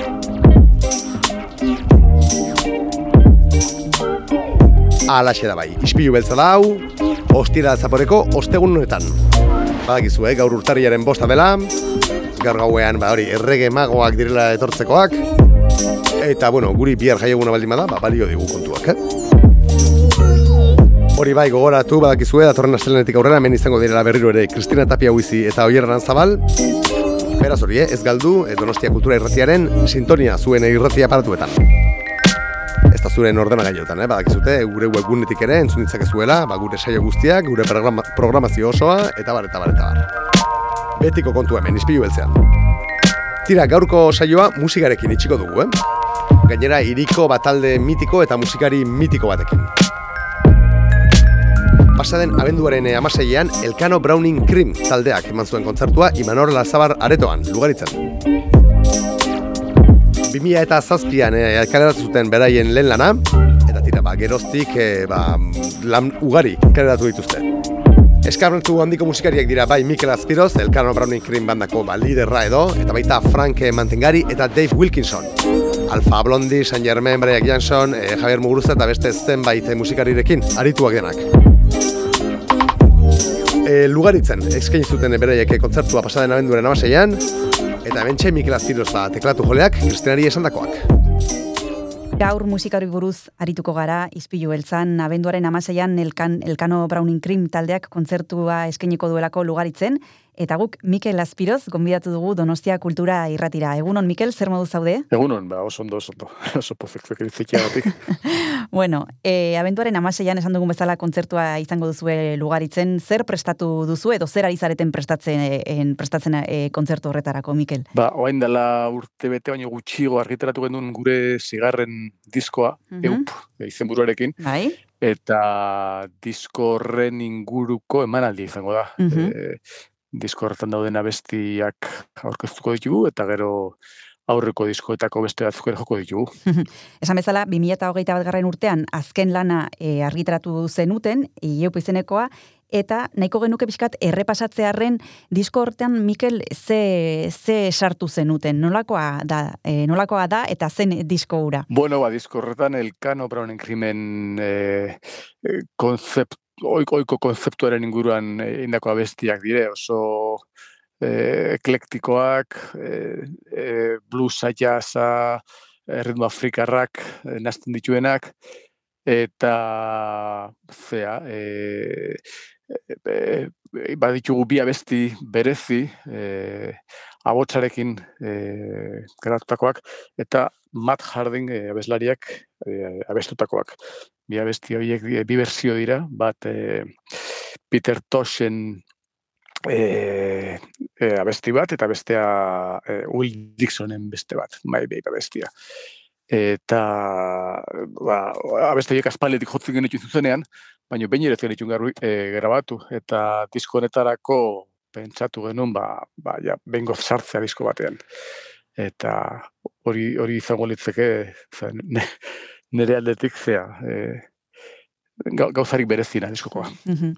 Eta aurreko diskoekin konparatzen badugu eta alderatzen badugu, e, Mikel, zertan da ezberdina azkeneko lan hau? Ba, behar bada, ze, askeago dori jotzeko garaien, e, hor sartu ditugun abestien tomak nahiko libreak dira, hor e, badago abesti bat adibidez, ba, ia maika minutukoa, e, zutan suit izena duna, e, desarrollo e, musikal luze batekin, eta parte desberdinakin, eta pixkat suit baten modura komposatutakoa, eta bai, ez dakit, e, e, ez, e, barrutik esatea zendien nola laketak, ez da, ez da erreza, guk e, e, abeste berrek egin ditugunen, ez, nik behintzat ez ditute planteatzen ba, modu ezberdin baten Hmm, egiteko, hmm. gero ir- irtetzen dien bezala irtetzen dira, ez? Mhm. Eta batzuk, batzuk antzekoagoak, beste batzuk desberdinagoak.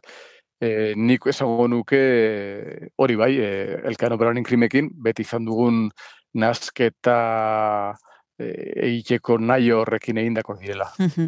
Ba, ongi iruditzen baldin zaizu, guazen entzutera zuen abesti bat, e, Mikel, zer jar dezakegu orain entzulekin partekatzeko? Zer etortzen zaizu burura? Ba, oantxe komentatu dizuten bezala, eh, grabatu ditugun, abotsak grabatu ditugun horietatik, e, lehenengoa, bueno, diskoaren, diskoko bigarren abestia da, e, abotsarekin egindako lehenengoa disko horretan, eta Matt Hardin abestelariak jotzen du, ma, e, abesten du, Matt Hardin Elkano Browning kimekin e, aurreneko bi diskoetan izan genuen gitar jolea eta, eta abeslaria da, ondoren Dave Wilkinson e, ingelesa sartu zen, baina e, hauek, abesti hauek Matt Hardinek ekarri zituen gure repertoriora. Eta beraz, ba, disko honetan grabatzeko, ba, Matt Hardini otxein genion, eta orain entzungo dugu ba, Peter Toshen Stepping Racer. Primero, magoazen entzutera.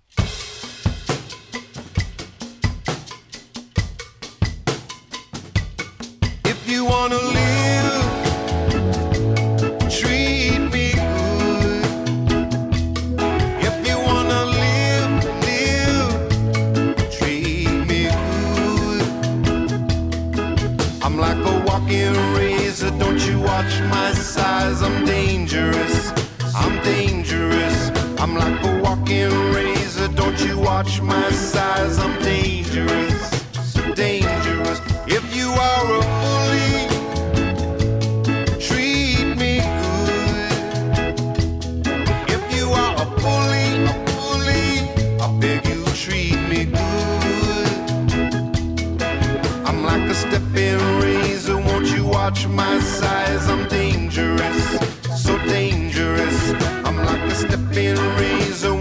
Watch my size? I'm dangerous, dangerous. If you are a Chucky, don't better Chucky from me. If you are a Chucky, a Chucky, don't Chuck from me. Yeah. I'm like a stepping razor, don't you watch my size? I'm dangerous, dangerous. I'm like a chopping razor, won't you watch my size? I'm dangerous, so dangerous.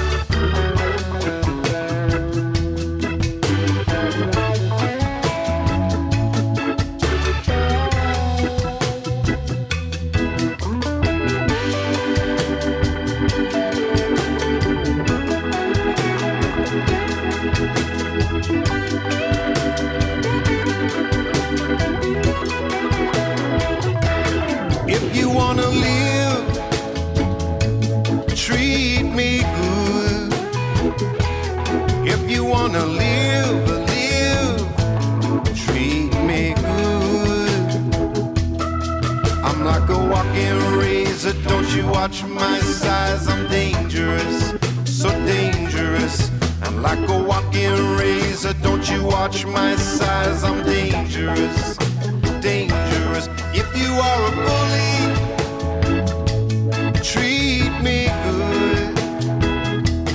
If you are a bully, a bully, I beg you treat me good.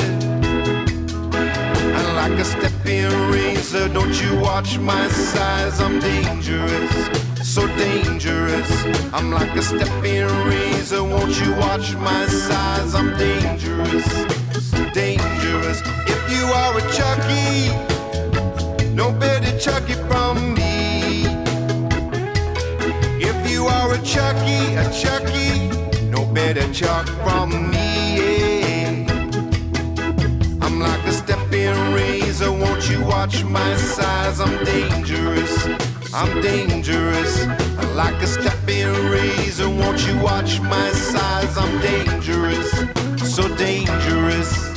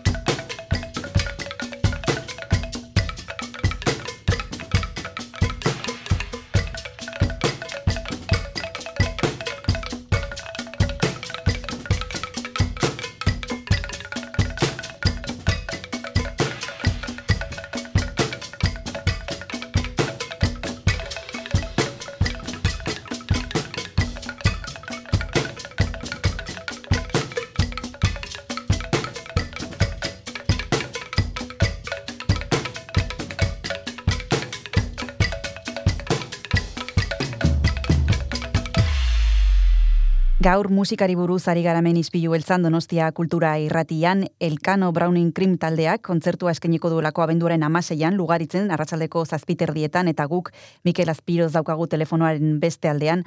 Aipatu duzu, Mikel, eh, kantuak egiten dituzuenean ez duzuela pentsatzen eh, ezberdinak edo igualak edo ez duzue pentsatzen eh, horretan zuek kantuak egiten dituzue eta kito.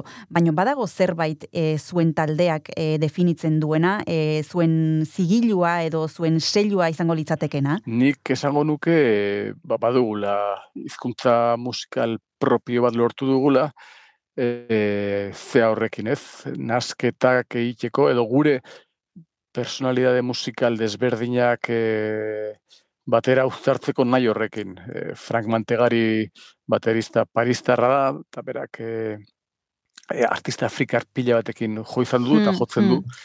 Ba, Alfa Blondi, Mamani Keita, Txek Tidian, e, eta e, maixua da ba, Afrikako e, sustrai gordinoiek, ba, Europako e, ez dakit, e, pixkat, e, erritmo sofistikatu edo, edo berritzailegoekin hasten eta eta ba, komponente hori oso garrantzitsua da gure gure hirukotean, e, berak hartzen duen e, ezaugarri hori.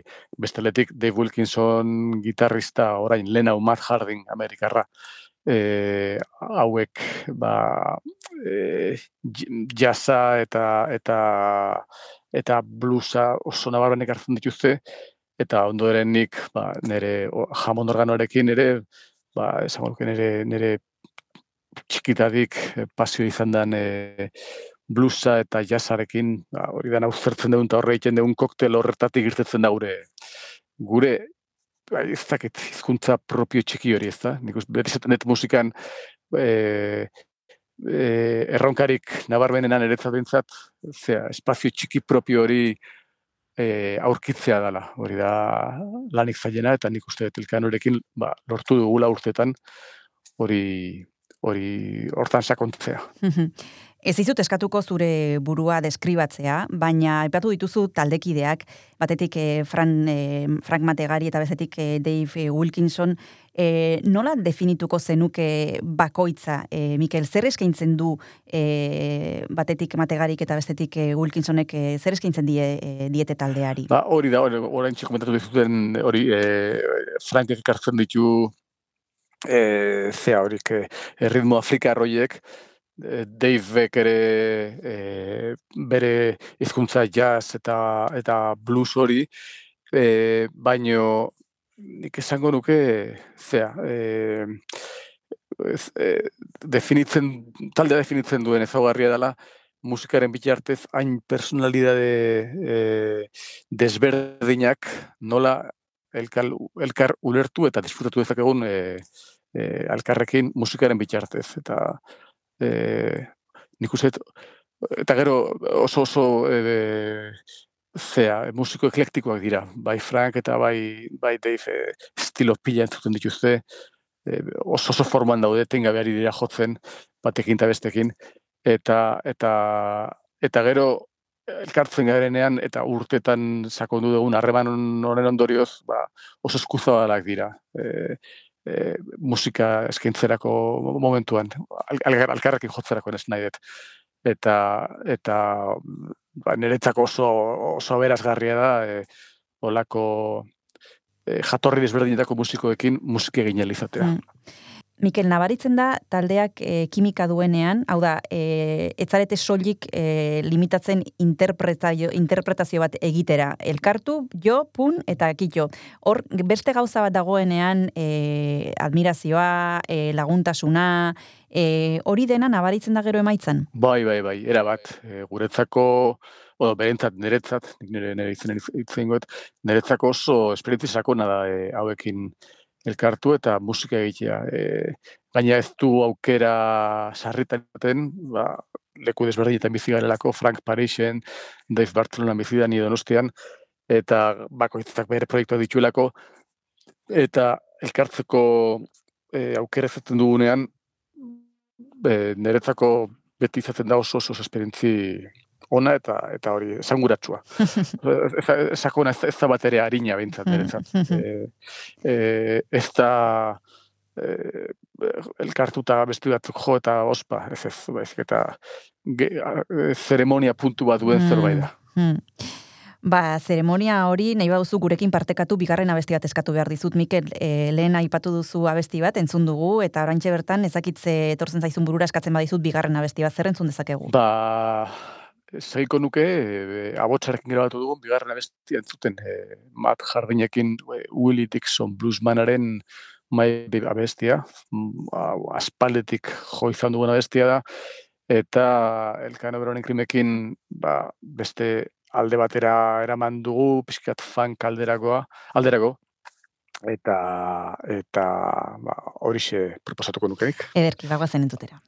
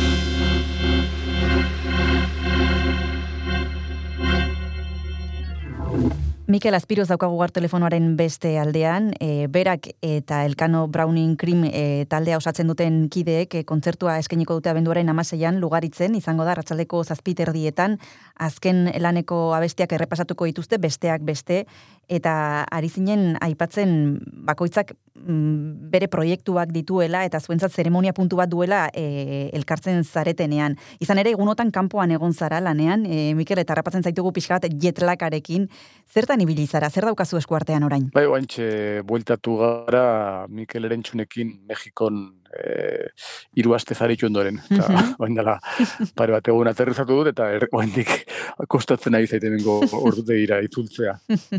Bai, bai, eta, e, bai, ba, bueno, horrek hori oraintxe, oraintxe egin dugun azken lana izan da, hortaz gain, e, ba, hori, guain elkanokin hemendik aste gutxira joko dugun kontzertu hor- hor- horretan zentratuta nago, eta baita, ba, nere pianoarekin bakarka egiten dudan e, Mm. jardunean ere. E, disko berri bat prestatzen ari naiz, eta eta horrekin ari naiz buru belarri. Oso proiektu anitzak, ze bakarka pianoarekin, gero Elkani Brown, Elkano Brown Cream, e, Mikel Erentxunekin Mexiko niru astez, e, ze alde dago norberarentzat egiten duzuenan, bakoitz zure buruarentzat lan egiten duzuenan, eta beste batzentzat egiten duzuenean e, lan Mikel aurrekoan, bueno, aurrekoan ez aspaldi egin genuen Elena Odriozola marrazkilariarekin, eta berak esaten zuen, ez zituela bere isten e, enkarguak eta lan propioak, ze berak, e, bueno, e, berdin-berdin e, nahi zuen eskaini onena, eta ez zuen egiten ba, lan propioa denean pixkate kariño gehiagorekin eta beste entzat zenean ba, bueno, zirripizarrapa ez.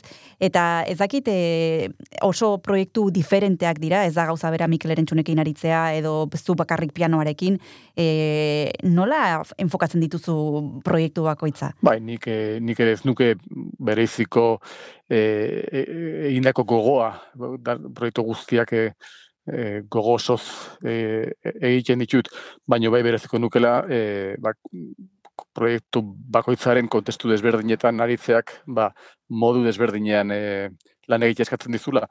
Eta neri hori oso interesgarri iruditzen zait. E, zatik, e, kontestu aldatzen danean, zure burua beste eh, oik, oikoak ez diren beste leku batutara eh, er, eramatea behartuta zaude eta eta era horretara leku desberdinak ezagutze ezagutzera, ezta? Bestela ba, sartuko etzineken e, ataletan sartuz. Eta hori asko gustatzen zait. E, e, proiektu desberdinetan ba, modu desberdinetara lan egitea. Batez ere, hori ba, oso abera, aberazgarria dalako zure burua kontestu desberdin horietan e, e, jartzeko. E, gero, ba, hoxe nire proiektu nagusiak nereak dira, ba, Elkano Browning Cream eta, eta pianoarenak. E, baino, horiek bestekin batera e, kombinatzea, ba, oso oso e, ez dakit, ja, aberazgarria da niretzat. Proiektuaren arabera kontestu aldatzen da, eta baita e, urteek ere kontestua aldatzen dute, zezuek e, zuen lehenbiziko diskoa elkanorekin publikatu zenuten 2007an, e, okerrez banago, eta geroztik amagost urte pasa dira, eta gauza asko pasa dira. Bestak beste pandemia bat, e, musika entzuteko moduak aldatu egin dira, musika erosteko moduak ere bai, egitekoak ere ezakit, e, nola ikusten duzu taldea e, amabost urte hauetan, nola izan da bilakaera? Bai, e, gauza pila pasa dira eta askotan e, nik ere hausnartzen dut oso erreza izan zitekela e, taldea ba, zehatzea, ez? E, taldeari ba, juten uztea edo, Hmm, edo ez pageniola e, ez da erreza taldea bizirik mantentzea da, ez, e, energia sartu behar da eta eta ba, ezakit, perezak e, jango bagintu, ba, seguruna utzingo genduke. Baino beste aldeatetik oso oso e, e, argi dut privilegioa dela, esan dizudan bezala, e, musiko hauekin musika hauekin izatea eta eta hori argi detenez, ba, ez e, erabakitan nago aldudan moduan e, proiektu hau bizirik mantentzea, ezta? Naiz eta ezin sarritan elkartu ahal izan. ba, aldegunean e, eginez, eta, bueno, ba, hori, ama urte, sei disko, kontzertu pila bat leku desberdin askotan, e, talde honekin ba, aukera izan du Ego Ameriketan, Ipar Ameriketan, e, Australian, Txinan, Indian, e, Frantzian, zakit, leku askotan jotzeko, eta oso, beti oso esperientzia ber, aberazgarriak izan ditu. E, Orduan, e, atik nahiko nuke, ba, aukera horiek e, irikita mantentzea, ezta? eta hemendik aurrera ere, ba, ba, ez dakit, es, esanguratsuak diren e, esperientziak eta musikak egin izatea. Orduan, ba, horrela ikusten dut.